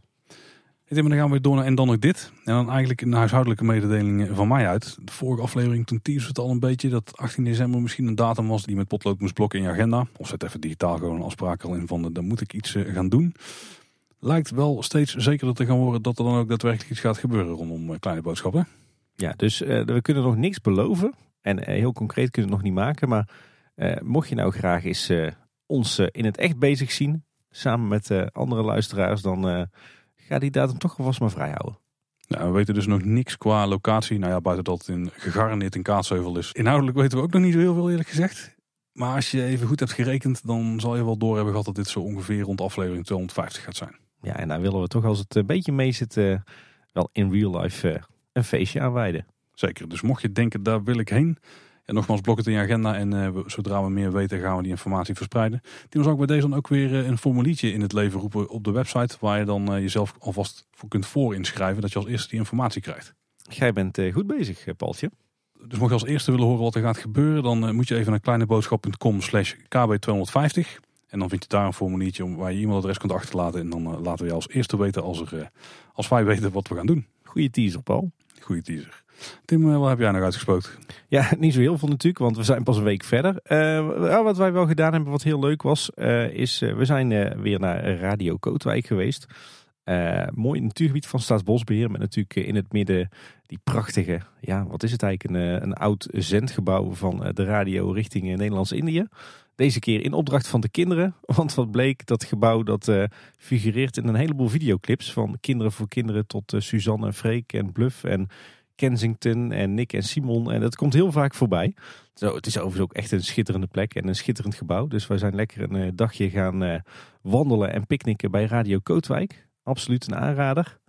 Ja, en verder natuurlijk weer veel in de Efteling geweest. En eh, ook nog op het werk en een brandoefening gehad met echte brandweerkorpsen. Dat was ook wel heel vet om te doen als BHV'er. Maar ja, dat was het wel zo'n beetje. Ik heb wel nog een luistertip en een kijktip. Luistertip, onze vrienden eh, Mark en Niels van Typisch Brabant Podcast. Die hebben weer een eh, mooie aflevering uitgebracht, nummertje 28. Dat is hun eerste stedentrip en daarin doen ze Tilburg aan. En eh, dat is eigenlijk een audiotoertje van een uur geworden door Tilburg. De stad waar ik ben geboren en getogen. Dus dat was heel leuk om te luisteren. Als je wat met Tilburg hebt, dan gaat het ook zeker luisteren. En een onverwachte kijktip op Netflix. De serie A Tale Dark and Grim. Waarbij Grim dan met eh, dubbel M is geschreven voor eh, eh, de verandering. Efteling linkje. Een heel klein beetje misschien. Eftelinkje. Eh, dat is een, een, een gloednieuwe animatieserie, volgens mij Amerikaans-Canadees. waarin ja, zeg maar de sprookjes van Grimm op een, een hele moderne wijze worden weergegeven. Dat is natuurlijk een concept wat we wel vaker hebben gezien, onder meer op Netflix. Maar het is wel leuk. Het, het, het is een hele inclusieve serie, heel erg eigen tijds. Eh, en er zit stiekem ook heel wat cynische humor in, die ook leuk is voor de ouders. Dus dit is, eh, dus is absoluut een aanrader. Eh, zeker voor ouders met, met kleine kinderen. Maar ja, wat ik al zei, ook voor ons als volwassenen is het stiekem best leuk. Want wij zijn al één keer 's ochtends te laat op school gekomen met de oudste. Omdat we deze serie nog zaten te kijken naar het ontbijt. Hij is trouwens bij vlagen ook best wel gruwelijk. Dus je moet er als ouders wel bij blijven. En dan door de reacties van onze luisteraars. Ja, want zoals je weet kun je vrij makkelijk met ons in contact komen. Ja, dat kan bijvoorbeeld eh, via social media. En als je wilt weten waar wij op social media zitten, dan eh, kijk je op eh, kleineboodschap.com slash volgen. Want we zijn uiteraard op alle grote platformen gewoon bereikbaar. Dus zoek er even een kleine boodschap en dan vind je ons vrij gegarandeerd. Behalve op TikTok en zo, dat is allemaal veel te fancy voor ons. Ik zie ons nog geen dansjes doen, nee. Maar als je nou een uitgebreid verhaal aan ons kwijt kunt, dat kan op verschillende manieren. Je kunt bijvoorbeeld een contactformuliertje op de website gebruiken. Dat is uiteraard kleineboodschap.com. Maar je kunt ook een e-mail sturen en dan kan naar info.kleineboodschap.com. En dat eh, gebeurt regelmatig. We zijn eh, heel vaak in contact met jullie. Ja. Maar een aantal van die, eh, van die reacties die we binnenkrijgen, die bewaren we dan altijd. Soms geven we alvast een korte voorreactie terug. Die zijn gewoon te leuk om niks mee te doen in de afleveringen zelf. En daar gaan we er vandaag een aantal van behandelen. Ja, normaal gesproken dan, dan maken we daar altijd een aparte aflevering van of een bonusaflevering. Maar we dachten, onze nieuwsaflevering is zo ongewoon kort. Dat kunnen we jullie niet aandoen. een nieuwsaflevering van een uurtje. Eh, dan plakken we er nu eh, gewoon even een paar leuke reacties van onze luisteraars achteraan. En dan beginnen we meteen met een eh, kort mailtje van Mout. Die schrijft, beste Paul en Tim. In aflevering 56 deelden jullie samen met Pieter Leeboy jullie top 6 achtbanen van de Efteling. Maar wat zijn nou eigenlijk jullie zes favoriete achtbanen buiten de Efteling?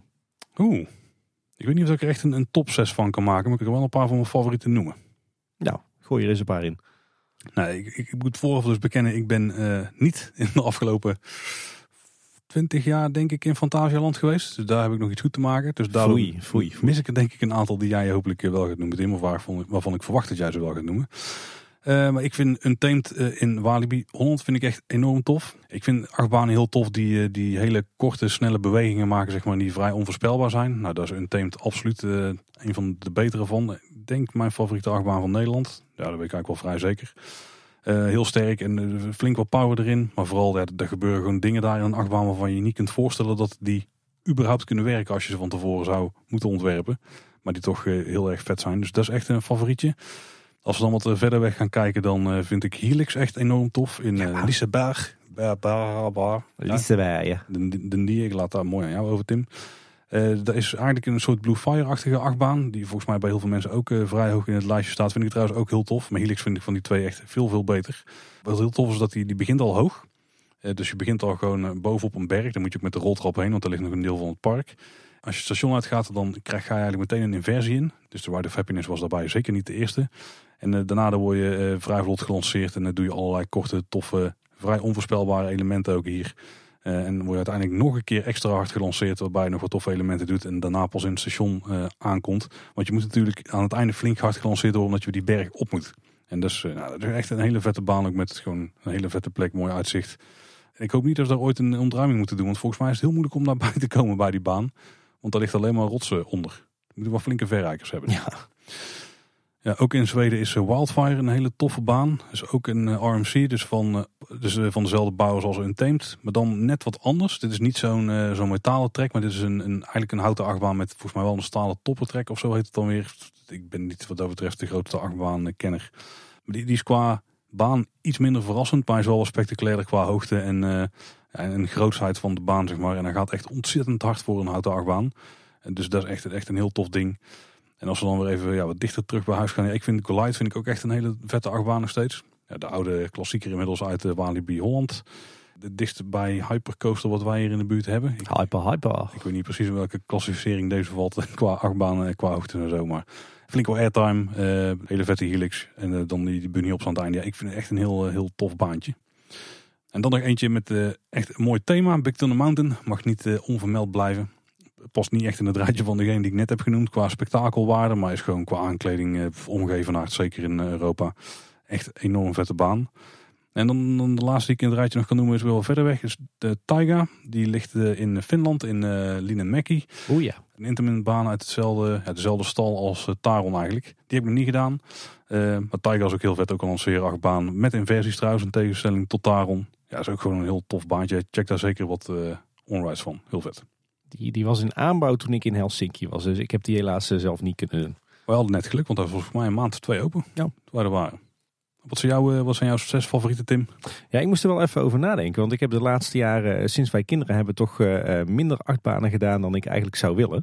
Dat is dan meestal als je in een nieuw park bent in het buitenland. dan doe je even gauw de, de beste achtbaan of de beste twee achtbanen van het park tijdens het middagslaapje van de kinderen. Weet Ja, ja. Maar ik ben er even goed voor gaan zitten. En ik kwam, ik kwam toch inderdaad wel aan exact zes toppers in mijn achtbaan CV. en ik heb denk ik een vrij ongewone smaak. Uh, want waar ik vooral dol op ben met achtbanen is uh, lange lijnen, om het zo maar te noemen. Mm -hmm. want ja, een van de banen die, of eigenlijk de baan die meteen bij mij naar boven kwam, komt uit Walibi Holland. En dat is dus niet een teemt, wat vrijwel iedereen als de beste banen van het park ziet. maar ja, mijn all-time favorite in dat park is toch echt Goliath. Ja, jij noemde hem ook al, maar ik vind hem ook echt dubbel en dwars beter dan Untamed. Dat vind ik dus niet, hè? Voor de, nee, voor de nee, nee, nee, dat weet ik. Maar gewoon heerlijk, die snelle lift, die first drop, uh, die, die heerlijke bunny hops. Uh, ja, echt, ik hou wel echt van zo'n lekker hoge, lange, uitgestrekte achtbaan met, met heel veel airtime. Echt heerlijk. En ja, zo'n vreemde voorkeur heb ik ook wat betreft Fantasialand. want daar bij mij dus geen Taron als favoriet. Ook geen Fly. Nou heb ik die nog niet gedaan, maar... Uh, ja, mijn all-time favorite in Fantasieland is toch echt de Black Mamba. Heerlijk hoe je daar onderaan die trein hangt en tussen al die rotsen en watervallen heen scheert. Ik vind dat echt een, een heerlijke baan. Die kan ik de hele dag blijven doen. nou, ook zo'n baan, enigszins vergelijkbaar, maar wat mij betreft ook wel echt een, een toppertje waard, is Phoenix in Toverland. Ook een zalige baan om te doen, ook weer met die lange lijnen, zeg maar, die zo heerlijk soepel. Ja, ik kan er echt van genieten. En ook mooi in thema natuurlijk. Net zoals jij, Elise je de Helix. Uh, heerlijk met uh, al die lanceringen, ook uh, tijdens de baan en al die verschillende achtbaan elementjes en hoe je dat, die rotswanden daar volgt. Hele foute muziek ook. Ja, die, die rest van de dag wel kop blijft hangen. Ja, wat natuurlijk niet mag ontbreken bij mij zijn de, een, een echte enorm oude achtbaan. Ja, en dat is natuurlijk de Roetsjebanen in Tivoli Gardens in Kopenhagen. Achtbaan uit 1914 van hout met een remman. Of af en toe een remvrouw als je geluk hebt. Geluk hebt.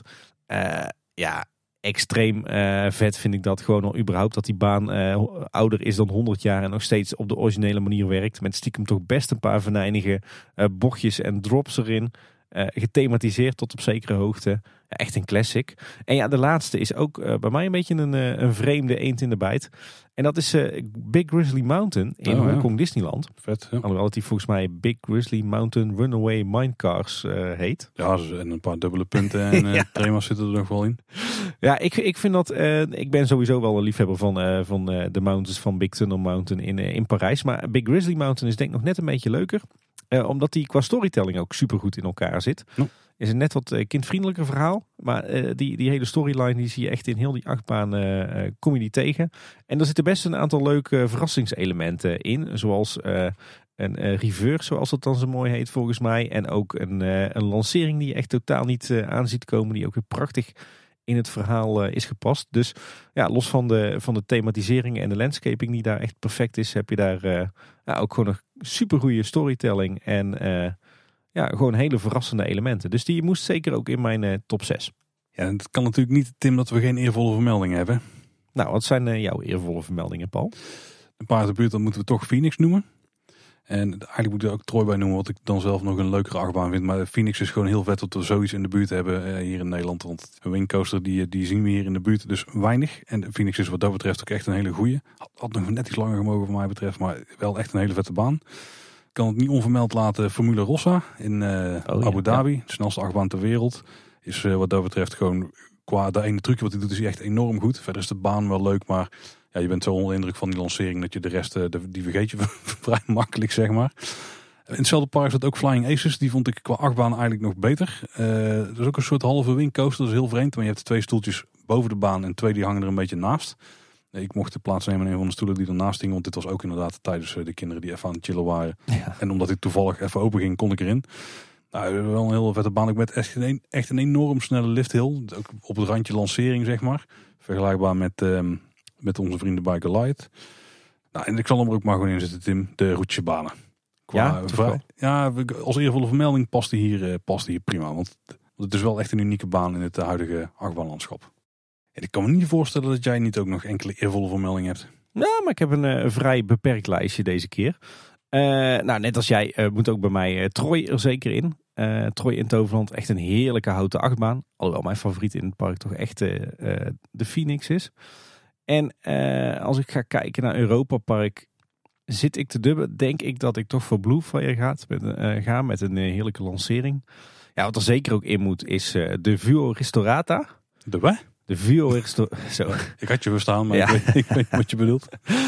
de, ja, eigenlijk het Finse broertje van de roetsjebanen. Dus ook een, een ah. hele oude houten achtbaan, volgens mij 1952 in uh, Linamäki in, uh, in Helsinki, uh, stadspretpark. Um, ook nog echt zo'n hele oude houten achtbaan met een remman.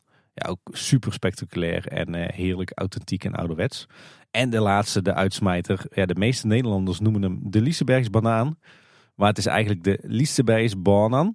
Uh, een oude stalen coaster, volgens mij uit de jaren 80 in Liseberg. Wat echt een beetje, ja, het brengt je eigenlijk terug naar de tijd van de, de eerste Python-treintjes, zeg maar. En niet heel spectaculaire baan. Maar het is, het is een achtbaantje wat uh, eigenlijk uh, ja, de vorm van de rotswand van de Lieseberg volgt. En je gaat heerlijk op en neer en omhoog en omlaag. En het is gewoon een super relaxte, vloeiende achtbaan. Die volgens mij ook Helix nog kruist op een aantal plekken. Het is gewoon een heerlijk, ja, heerlijk layback achtbaantje. Dus die mocht zeker niet ontbreken op de lijst. Nou ik uh, hoop dat we zo jouw vraag uh, nou niet echt kort en krachtig hebben beantwoord.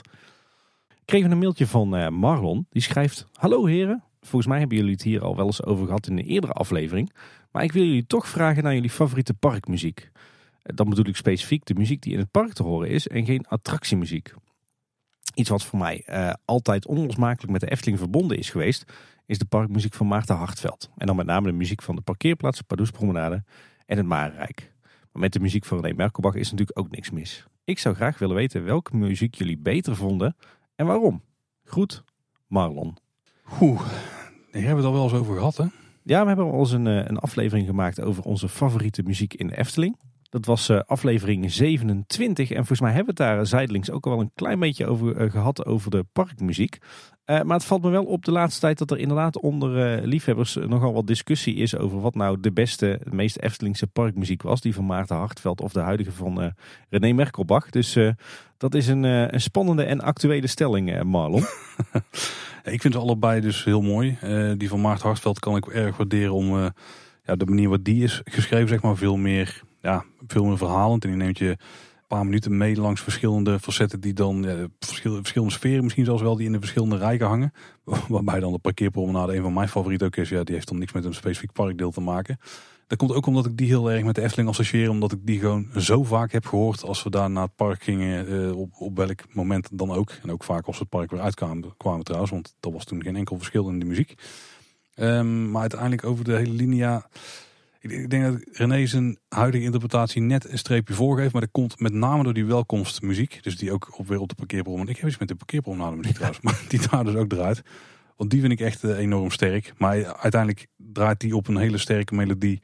Uh, die uh, flink, uh, hoe moet ik het noemen, uitgevrongen wordt. Zeg maar, waar alles uit wordt gehaald. Maar ik vind die wel echt, echt heel goed. Toen, toen dat nog de ochtendsymfonie was, zeg maar. Toen heb ik daar misschien ook wel een paar opnametjes van gemaakt. Zodat ik die nooit thuis nog eens regelmatig op repeat kon aanzetten. Ja. Ja, ik moet zeggen, ik heb met eh, de parkmuziek van eh, Hartveld hetzelfde als met Europa Park. Ik snap dus niet waarom er zo enorm veel Efteling-liefhebbers zijn die daar helemaal fan van zijn. Want ja, ik moet zeggen, als ik moet kiezen, dan heb ik toch echt een enorme voorkeur voor de muziek van uh, René Merkelbach. Kijk, tuurlijk, de, de muziekstukken van Hartveld, dat waren op zichzelf prachtige muziekstukjes. Maar, maar, dat is ook precies het probleem wat ik ermee heb, weet je wel. Ik vond het, op de totaal van de Efteling, vond ik het toch een beetje als loszand aan elkaar hangen. Al die losse uh, vaak korte muziekstukjes die weinig met elkaar te maken hadden. Op zichzelf wel mooi, maar ook niet per se Eftelings. Terwijl met de huidige parkmuziek van René Merkelbach heb ik dat dus helemaal niet. Ik vind dat hij een ongelooflijk Eftelingse uh, tune daar te pakken heeft. Waarschijnlijk ook omdat we langzaam maar zeker uh, zijn muziek zijn gaan, of eigenlijk zijn muziekstijl zijn gaan associëren met Efteling. maar goed, zijn parkmuziek klinkt wel enorm Eftelings voor mijn gevoel. En het hangt ook allemaal samen. Hè? Uh, zowel zeg maar de, de, basislijn, de, de welkom uh, melodie, die wordt gespeeld op de parkeerpromenade, het Warrelplein, uh, onder het Huis van de Vijf Zintuigen. Met de verschillende muziekstukken die je hoort in de rijken. Het, het is allemaal op basis van dezelfde melodie, maar net wat anders uitgevoerd. en dan heb je natuurlijk ook nog die symfonie die aan het eind van de dag draait bij het afscheid. Die dan juist weer heel erg ingetogen en treurig is. Ja, ik vind het prachtig hoe dat samenhangt. Allemaal een beetje dezelfde melodielijn, maar wel met net andere instrumenten, net een andere toon, net wat andere klanken. Ja, heel mooi en heel Eftelings. Dus nee, ik heb een hele sterke voorkeur voor de, de huidige muziek van René Merkelbach. Komt denk ik ook wel een klein beetje omdat René gewoon een super toffe kerel is. Met wie je eh, denk ik prima een avondje in de kroeg uh, zou kunnen hangen. En ik, ja, heb dat gevoel toch minder met Maarten Hartveld. Dus uh, misschien dat, uh, dat er ook wel een klein beetje de gunfactor uh, een rol in speelt. Maar nee, voor mij absoluut René Merkelbach. Ja, daar moet ik wel een kleine kanttekening of in ieder geval visie van mijn kant bij plaatsen. Want ik vind de muziek van René wat dat betreft misschien ja, iets meer generiek. Er zitten wel wat vleugjes Disney-sfeer in, zo zeg maar. Hè. Dus het is wel wat je associeert met, associeert met pretparken. En wat dat betreft vond ik de muziek van Maarten Hartveld wel iets meer onderscheidend. Instrumentatie was daar vrij origineel. Het klonk ook een beetje klein en behouden. Wat dan op zich wel bij de bescheidenheid van de, de Efteling past op punten. Terwijl eh, de muziek van René veel ja, grootser voelt. Zeg maar, met, een, met een veel groter orkest ook gespeeld. Wat, wat ik dus op vlakken wel heel erg kan waarderen. Maar daar vond ik zelf wel, uh, wel het mooie van die uh, Hartveldmuziek. Die was iets subtieler. Zeker in, uh, in Marenrijk en zo. En ik denk ook wel dat, dat de opdracht bij René is geweest van... we willen juist één motief wat, wat je dus op meerdere plekken in, in variaties terug wordt. Zeg maar. Een beetje wat hij eigenlijk vertelde bij de Karel-aflevering. Mm. Ik, heb, ik heb een vermoeden dat het vrij sterk in de briefing zat dat ze zoiets wilden hebben. Ja. Ik denk ook wel dat ik een beetje kan voorstellen hoe, die, uh, hoe, hoe, dat is gegaan. Want op een gegeven moment is die ochtendsymfonie geschreven. Nou, een mooie, mooie melodie. Die het waarschijnlijk ook bij een paar Eftelingers zo heel goed deed. En dat toen is bedacht van, uh, hey, kunnen we daar niet uh, dan misschien in het hele park wat mee doen? Ja. Waarbij ik het heel tof vind dat je dus ook inderdaad die welkom en, en, en die afscheid tune hebt. Dus dat verschil. Want dat is iets wat we dan wel misten bij de muziek van Hartveld. Ja, ja de, de, stukken, een aantal van de stukken van Hartveld waren op zichzelf wel hele mooie muziekstukken. Misschien wel kwalitatief beter dan, dan de parkmuziek van René. Maar ja, voor mijn gevoel stond het, was dat in zekere zin dan ook wel weer generiek hoor. Stond het ook wel weer ver af van wat Eftelings was en is. Nou, nou nee, nee. Nee. Goed. Eh, we kregen een mailtje van Mark Baars. Die zegt, hallo heren. Eh, vandaag was ik met mijn zesjarige dochter in de Efteling. En het grote moment was eindelijk aangebroken. Ze is 1,20 meter en kreeg een blauw polsbandje. Dus ik heb met haar een eerste ritje gemaakt in Python. Toen we zo op het plein voor station De Oost stonden, dachten we... In het licht van de aankomende uitbreiding van het park zou het oude Python Plus project van Lex Lemmens wel weer eens eh, uit de kast kunnen worden gehaald. Waarschijnlijk een gevalletje wishful thinking en zeker niet iets dat op de korte termijn zou kunnen. Maar wellicht wat verder in de toekomst. Wat is jullie expert opinion hierover? Groeten en keep up the good work. Oké, mijn persoonlijke mening is dat ze daar gewoon vanaf moeten blijven. Ik denk dat ze Python gewoon moeten laten zoals hij nu is. Ehm, als hij nu op is, zou ik hem denk ik ook niet nog een keer zo'n restyle geven of zo'n retrack geven. Ondanks eh, de iconische waarde die hij heeft in het park. Want ja, uiteindelijk heb- je die ruimte, daar kun je ook wat modernere, beter geïntegreerde attracties neerzetten denk ik. En gebruik die ruimte die daar ten oosten van ligt vooral voor nieuwe dingen. Ook omdat je dan dus meer, je, je bouwt gewoon capaciteit bij. In plaats van dat je bestaande capaciteit een beetje misschien gaat plussen. Want hoe die berekeningen van eh, Lex toen werkten, dat weet ik ook niet helemaal. We hadden mij moeten vragen Tim. Ja, Want die, die capaciteit eh die ging volgens mij over 2500 mensen per uur. Ik weet niet hoe je daar over één baan heen kunt dragen. Dan moet je echt iedere 20 seconden een trein eh, volgens mij naar buiten sturen. heel veel verschillende blockbreaks. Ja, ja dus niet heel praktisch denk ik. Dus ik, denk, ik zou liever gewoon voor een nieuwe uitbreiding gaan. Maar ik snap het wel. Maar als ze een Python Plus hadden willen doen op het veld dat ernaast ligt, was daar op zich ook wel wat ruimte voor geweest hoor. Ja, ik ben het mee eens. Ik denk dat je de Python gewoon moet laten eh, zoals het nu is. Dat is eh, die iconische achtbaan voor velen, eh, waar velen goede herinneringen aan hebben. En de Efteling heeft er bewust voor gekozen om die vrijwel volledig te herbouwen. Nou, laten we dat ook vooral zo houden en laten we er niet weer aan gaan sleutelen. En laten we vooral inderdaad in de uitbreiding van Ruigrijk dan een nieuwe vette achtbaan neerzetten. Eh, en laat die achtbanen gewoon los van elkaar bestaan. We krijgen ook een berichtje van Danny van der Wil. Die kennen natuurlijk allemaal van Team Park Science. En hij is op veel social media je te vinden als Eftelflex. En die zegt, we zien nu met de corona dat extra wachterijen nodig zijn en dat de Efteling behoorlijk creatief is geweest. Nu, dit gaat natuurlijk over. Maar de wens naar 7 miljoen bezoekers heb je wel. En dan heb je meer wachtrijen nodig in de toekomst. Is het idee om bijvoorbeeld de huidige Piranha wachtrij, dus langs de baan waar die vroeger lag, weer in ere te herstellen? Of welke oplossingen denken jullie dat permanent worden met betrekking tot het verlengen van de wachtrijen? Gaan we een totale herindeling krijgen van vele wachtrijen? Zoals misschien bij Joris en de Draak, Piranha, Droomvlucht, Vogelrok, Python? Maar Danny, ik denk dat het een combinatie eh, zou moeten zijn. Eh, ik zie wel wat in eh, de virtuele wachtrij, zoals we die de afgelopen zomer hebben gezien bij de Lavela monorail. Ik denk dat die daar best terug zou mogen komen en wellicht ook bij meerdere attracties. Hè. We noemden eerder bijvoorbeeld ook al de Oude Tufferbaan als eh, geschikte plek en misschien wel de wereld van Simbad. En verder denk ik dat een aantal wachtrijen eh, ja, toch wel eh, wat eh, tender love en care mogen krijgen qua thema en aankleding. Ja, en wat volgens mij ook best prima werkt, is gewoon semi-permanente rijen. Dus dat je op plekken waar het zo nu en dan heel druk kan worden, dat je daar dan misschien kiest voor een systeem met bussen in de grond op het plein, waar je op de hele drukke dagen heel snel een tijdelijke wachtrij neer kan zetten met eh, paaltjes en touwen in thema. Ja, ik denk inderdaad dat het verlengen van de huidige wachtrij misschien niet eens nodig is als je gaat groeien naar 7 miljoen bezoekers. Je moet gewoon zorgen dat er voldoende nieuwe attracties worden gebouwd, zodat je die capaciteit op andere plekken kunt opvangen. En dat de wachtrij dus niet langer hoeft te worden, want dat betekent automatisch dat je langer moet gaan wachten. Want dat is, wat je, dat is denk ik iets wat je niet wil.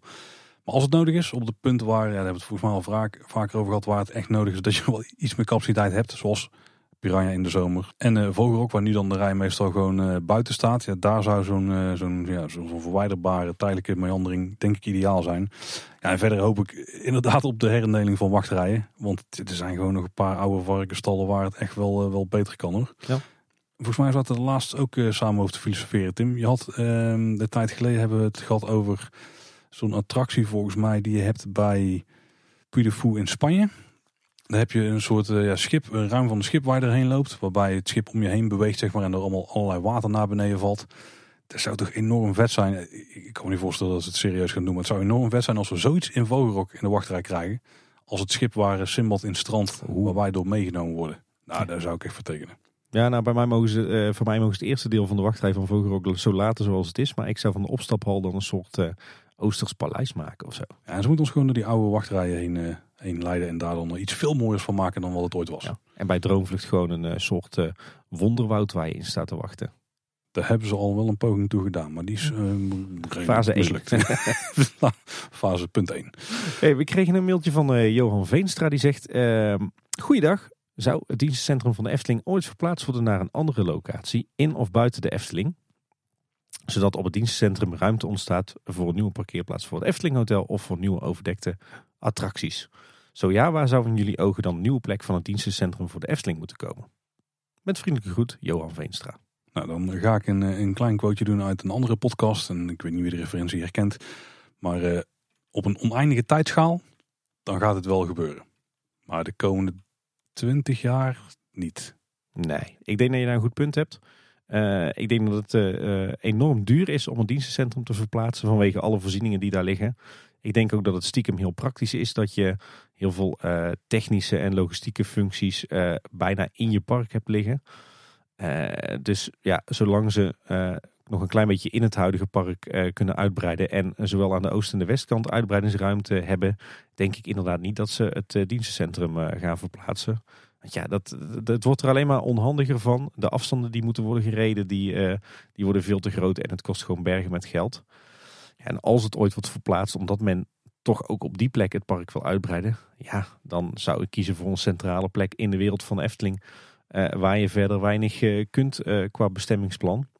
Ja, dan kom je toch ergens uit in de buurt van het, het golfpark in die hoek. Ja, ja, of misschien zelfs wel nog verder van het park vandaan. Maar je moet wel iets van faciliteit in de buurt blijven houden natuurlijk. Ja, ja dus dat is verre van ideaal. Hè? Want uh, ja, je zult toch een plek moeten hebben waar uh, het, uh, al je transport het park binnenkomt. En het is toch ergens ook wel fijn om al je werkplaatsen een beetje in de buurt van je park te hebben. Dus ja, de, de, wat jij zegt Paul, ik verwacht daar de komende 20, 25 jaar zeker nog geen veranderingen. Nou, zo dat er ooit plannen zijn getekend hè, om het naar Strookrijk te verplaatsen. Wat, wat, nu zo, wat, wat wij dan nu kennen als Strookrijk. Nou, die plannen zijn dus niet doorgegaan. En uh, Fons heeft zelf ooit wel eens het huidige stuurhuis aangeduid als een, uh, nog een plek waar een attractie zou kunnen komen staan. Als een van de plekken in het park. Maar dan zou die afgebroken moeten worden. We hebben inmiddels wel begrepen dat dat toch een lastiger verhaal is van allerlei voorzieningen die daar het park binnenkomen. Die je niet zo heel makkelijk kunt verplaatsen. En ik hoop zelf nog steeds wel op dat ze misschien een klein stukje van het dienstencentrum bieden. Daar in het, uh, het hoekje waar nu die, die, die handmatig aangedreven paardenmolen staat. op de, ja, de, de verre uithoek van het Anton Pieckplein. Want daar kun je best een prima dark ride neerzetten als je daar een klein stukje dienstencentrum mee zou nemen. Ja, dat is wel lastig, want dan uh, zit je met het centraal magazijn, met uh, de tuindienst en de milieudienst en uh, de bergingskelder van het rioolwater. Dus dat zijn toch ook wel allemaal weer voorzieningen die je daar eigenlijk wil hebben en die makkelijk kan verhuizen. Een man mag blijven dromen. Ja. Uh, kort mailtje van uh, Appelnectar. Die schrijft: Jullie hebben het er in aflevering 225 weer over uh, het verleggen van de ticketcontrole naar de spoorwegovergang. Zou dat niet onverstandig zijn gezien de geplande westelijke uitbreiding van het park? Tenzij dat een apart park wordt natuurlijk.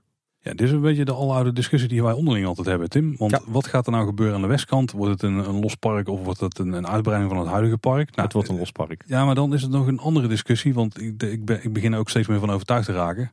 Ik denk alleen niet dat je er een losse ticket voor hoeft te kopen.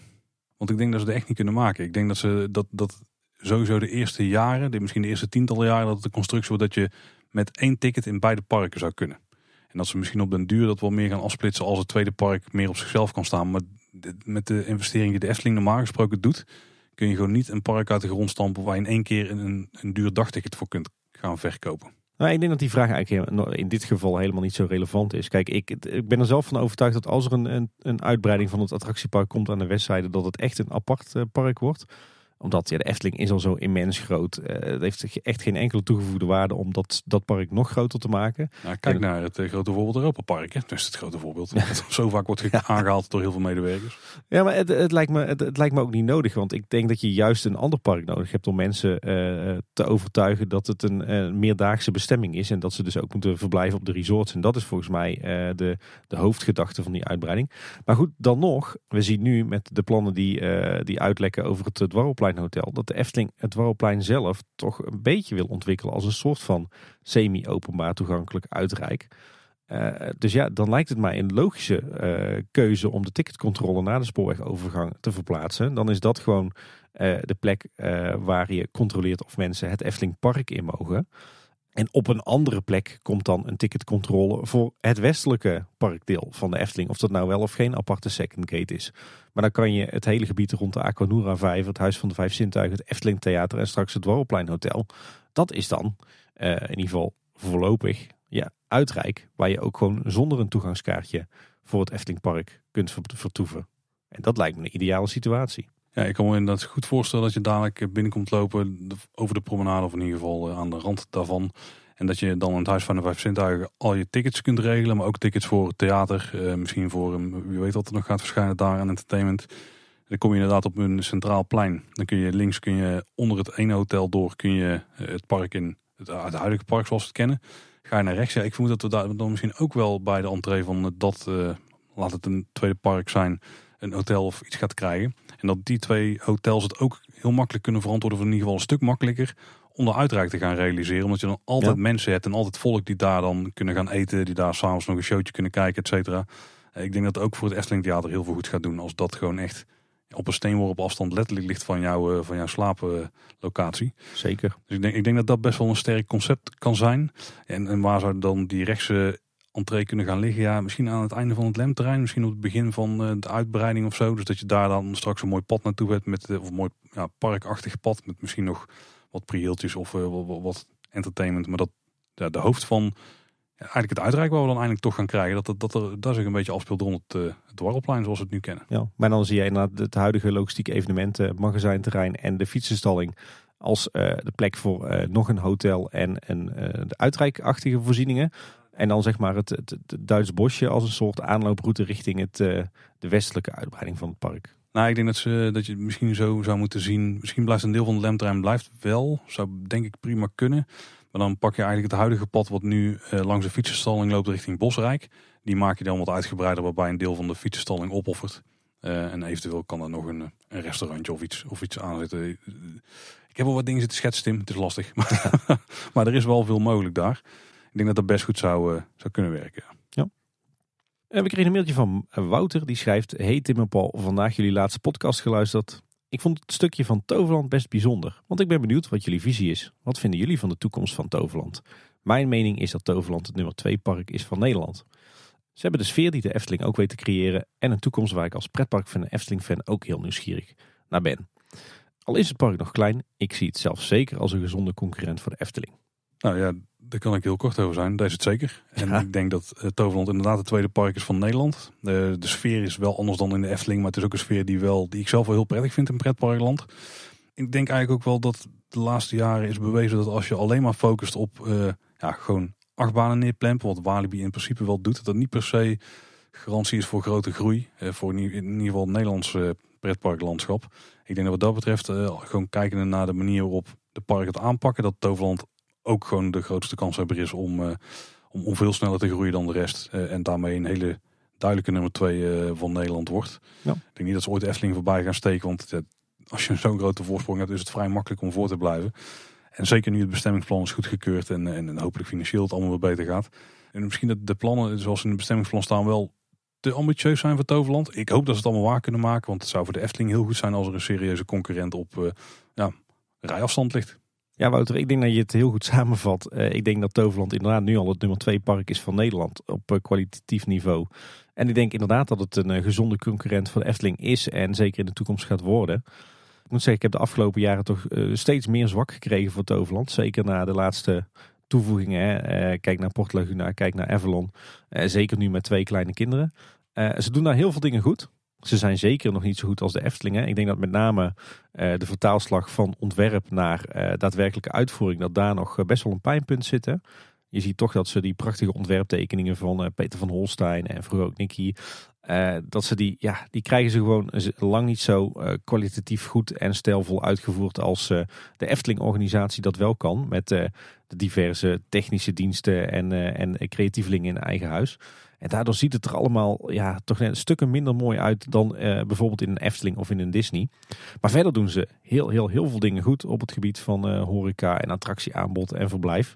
Dus ja, ik denk dat het zeker een uh, gezonde en uitdagende concurrent voor de Efteling is. En zeker ook zal zijn in de toekomst. En dat is alleen maar goed, want dan wordt de Efteling ook gestimuleerd om te blijven investeren en de kwaliteit hoog te houden. En ik denk dat die twee ook prima naast elkaar eh, kunnen bestaan. Wij zitten er zelfs aan te denken om ons Beekse Bergen abonnement weg te doen en om een Toverland abonnement te nemen. Oh, netjes netjes. Dan kregen we een mailtje van Jordi Rodriguez. Die schrijft, dag boodschappers. Het zou wel mooi zijn, moest men aan de achterkant van de circusuitbreiding een circuskamp bouwen met woonwagens in piekse stijl als verblijfsaccommodatie. Met in het midden een grote circus tent waar dan s'avonds een kleine circusvoorstelling zoals Circus Antropiek plaatsvindt. Enkel als extraatje voor de verblijfsgasten en afsluiter van de dag. Mooi verlicht aan de buitenkant met ouderwetse gloeilampen. En ook over het terrein heen een sfeervolle verlichting. Dat is waar ik zou willen slapen. Groetjes, Jordi Rodriguez. Oeh, dat is wel een, uh, wel een aardig plan. Ja. Maar een paar dingen erover. Ik, ik denk niet dat we dit uh, uiteindelijk op permanent kunnen gaan verwachten. Maar ik zit net te denken. Stel ze bouwen het circusgebied daar. En uh, nou, ze hebben daar een, een, bijvoorbeeld een stuk bouwgrond. Als ze dan inzaaien met gras. Dan zou je het wel tijdelijk daar kunnen neerzetten. Kijk, uiteindelijk Strookrijk is best een flinke lap grond. Maar als je daar de circuscoaster neerzet, de verwachting is dat ongeveer dan een kwart tot een derde is bebouwd al. En de plek die overhoudt, ja, daar mogen ze dus die twee attracties bouwen van tot 60 meter hoogte als ze daar de, de, de, de bouwuitzonderingen voor aanvragen. De plek ga je niet opgeven aan een plek om een tenten neer te zetten. Waarbij het ook niet zo handig is dat die tenten dan vrij dicht bij de snelweg staan, die je wel goed hoort denk ik als je daar slaapt.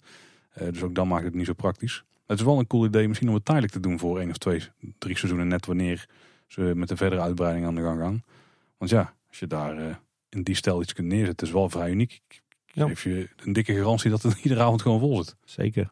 Ja, het klinkt als een bijzonder sfeervol plan. Uh, ook heel Eftelings. Uh, ik denk dat er een enorme vraag is aan camping en glamping faciliteit bij de Efteling. Echt heel raar dat ze daar helemaal niks mee doen.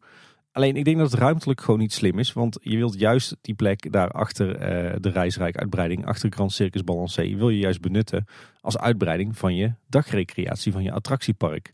Dus uh, ja, ruimtelijk denk ik dat je daar toch een uh, probleem hebt. En uh, zou ik dit dan liever ergens anders in de wereld van Efteling neerzetten.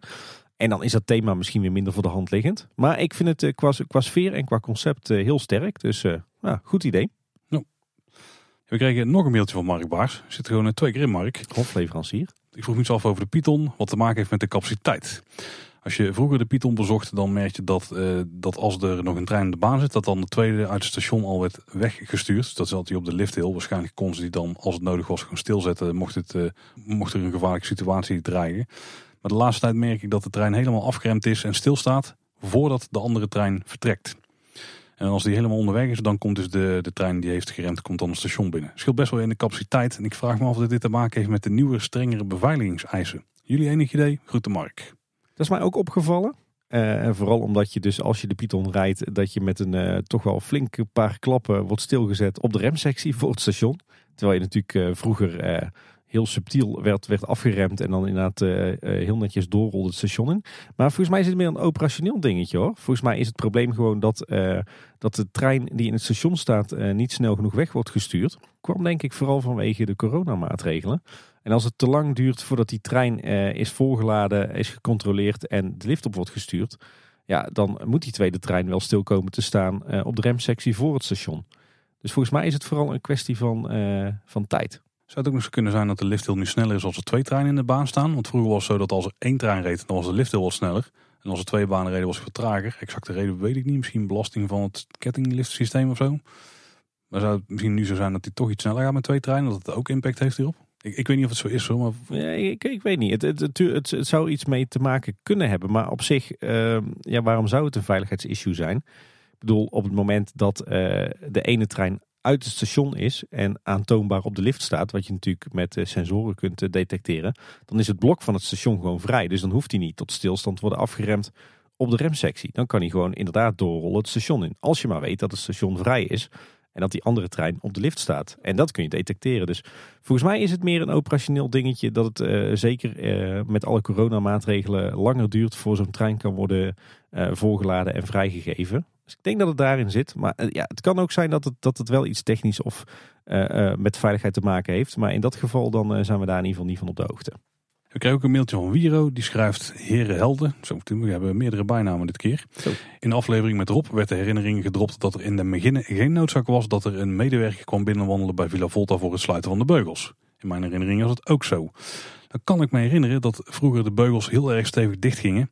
Maar als je dan met een, een goed geplaatste arm en een beetje flink tegendruk gaf, kon je voorkomen dat je helemaal werd plat gedrukt.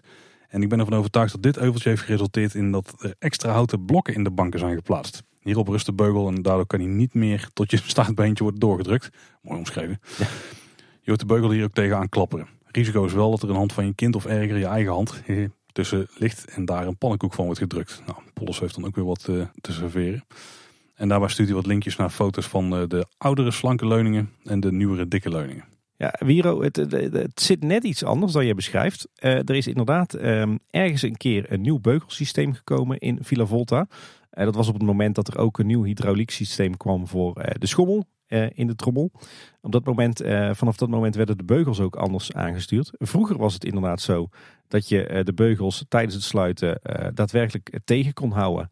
En dat zodra alle beugels gesloten waren, dat de beugel dan ook bleef staan in de positie waar je hem had tegengehouden. Dat was ideaal voor bijvoorbeeld de dames met een zwangerschap. Maar na die renovatie en nadat er een nieuwe hydro-unit is geplaatst, kon dat niet meer. Want de beugels die blijven gewoon net zo lang doordrukken tot ze gesloten zijn. en waarschijnlijk dat daarom ook die houten blokken inderdaad zijn geplaatst. Om ervoor te zorgen dat er wel een eindpunt is waarop ze stilstaan. Maar je kan ze dus niet meer tegenhouden. Als je ze namelijk tegenhoudt tijdens het sluiten en je laat ze na verloop van tijd weer los, dan drukken ze toch weer net zo lang door totdat ze op die houten blokken zitten. Uh, is waarschijnlijk een technisch dingetje. Maar dat staat er even los van uh, of er wel of geen personeel in de hoofdshow staat. Want bij mijn weten staat er al heel lang personeel in de hoofdshow. En ook al ver voordat uh, het nieuwe beugelsysteem werd geïnstalleerd. Hm. dus volgens mij zelfs al vanaf de beginjaren van de attractie. dus ik denk dat dat los van elkaar staat. Oké.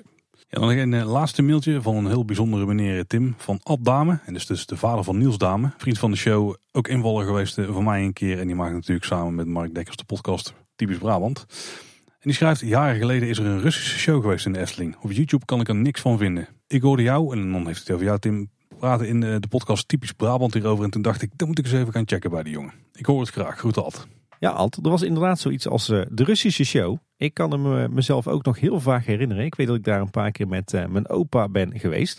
Ik heb het even opgezocht op Eftepedia, want ik wist er ook het fijne niet meer van. Maar het was de grote Russische show. Het was de parkshow in 1990. Dus blijkbaar kwam ik ook voor 91 al geregeld in de Efteling. de show die werd drie keer per dag opgevoerd in het Efteling Zomertheater. En was een samenwerking tussen de Efteling en het Staatsinstituut voor Cultuur in Moskou. Uh, de show werd opgevoerd door 36 artiesten. En het eh, centrale thema in de show waren de vier jaargetijden, wat ook uh, tot uiting kwam in verschillende kostuums. En de artiesten die creëerden via verschillende onderdelen een ineenvlechting van Russische, Westerse en Hollandse cultuur. waarbij de lambada en de vogeltjesdans ook voorbij kwamen. Het was de eerste show waarbij Pardoes een rol had. Hij werd twee jaar eerder bedacht door Henny Knoet. En de zomershow vormde het hoogtepunt van het Russische themajaar in 1990. Zo. Nou, Ad, dan weet je alles wat er eh, bekend is over die show. En er staan trouwens ook nog wat, uh, wat aandoenlijke foto's op Eftepedia. We zullen er even naar linken in uh, onze show notes. Ja, dan zijn we aan het einde gekomen van de aflevering, Tim. We hebben al gemeld waar je ons kunt volgen. Ga gewoon naar kleineboodschap.com slash volgen. En dan vind je alle plekken waar je terecht kan om ook buiten de podcast nog wel informatie van ons te krijgen of om contact te zoeken. En wie weet komt jouw vraag een keer langs. Ja, inderdaad, want ons, uh, ons postbakje is weer leeg. Dus uh, kom maar op met die uh, vragen en stellingen, zou ik zeggen. Ja, natuurlijk kun je ons luisteren in je favoriete podcast-app. Vergeet je ook zeker niet te abonneren als je dat nog niet hebt gedaan. En kun je daar een rating achterlaten. Bijvoorbeeld een Apple Podcasts kunnen we altijd heel erg waarderen, want dat helpt andere mensen weer ons makkelijker te vinden. Ja, en we kregen deze keer in Apple Podcast ook weer eens een recensie van uh, En die schrijft, wat weten deze mannen niet? In een tijd waarin het niet mogelijk was naar de Efteling te gaan, op deze podcast gestuurd. En deze heren hebben de Efteling naar huis gebracht. Heel veel dank voor de vele info in het bijzonder de specials met gastsprekers, de glazen bol, financiën, oud-directeuren en laatst die mooie over Caro. Nou, graag gedaan, uh, Sjoernes. Nee, ik dacht Sjoerd, maar... Blijf mooi met die usernames daar. Ja, en naast dat je ons dus kunt luisteren in alle podcast-apps, zijn we ook te luisteren via Spotify en gewoon op onze website. En dat is kleineboodschap.com. En daar vind je naast alle afleveringen ook natuurlijk alle show notes en een contactformulier. Dat was weer voor deze week. Bedankt voor het luisteren. Tot de volgende keer. En houdoe. Houdoe waar.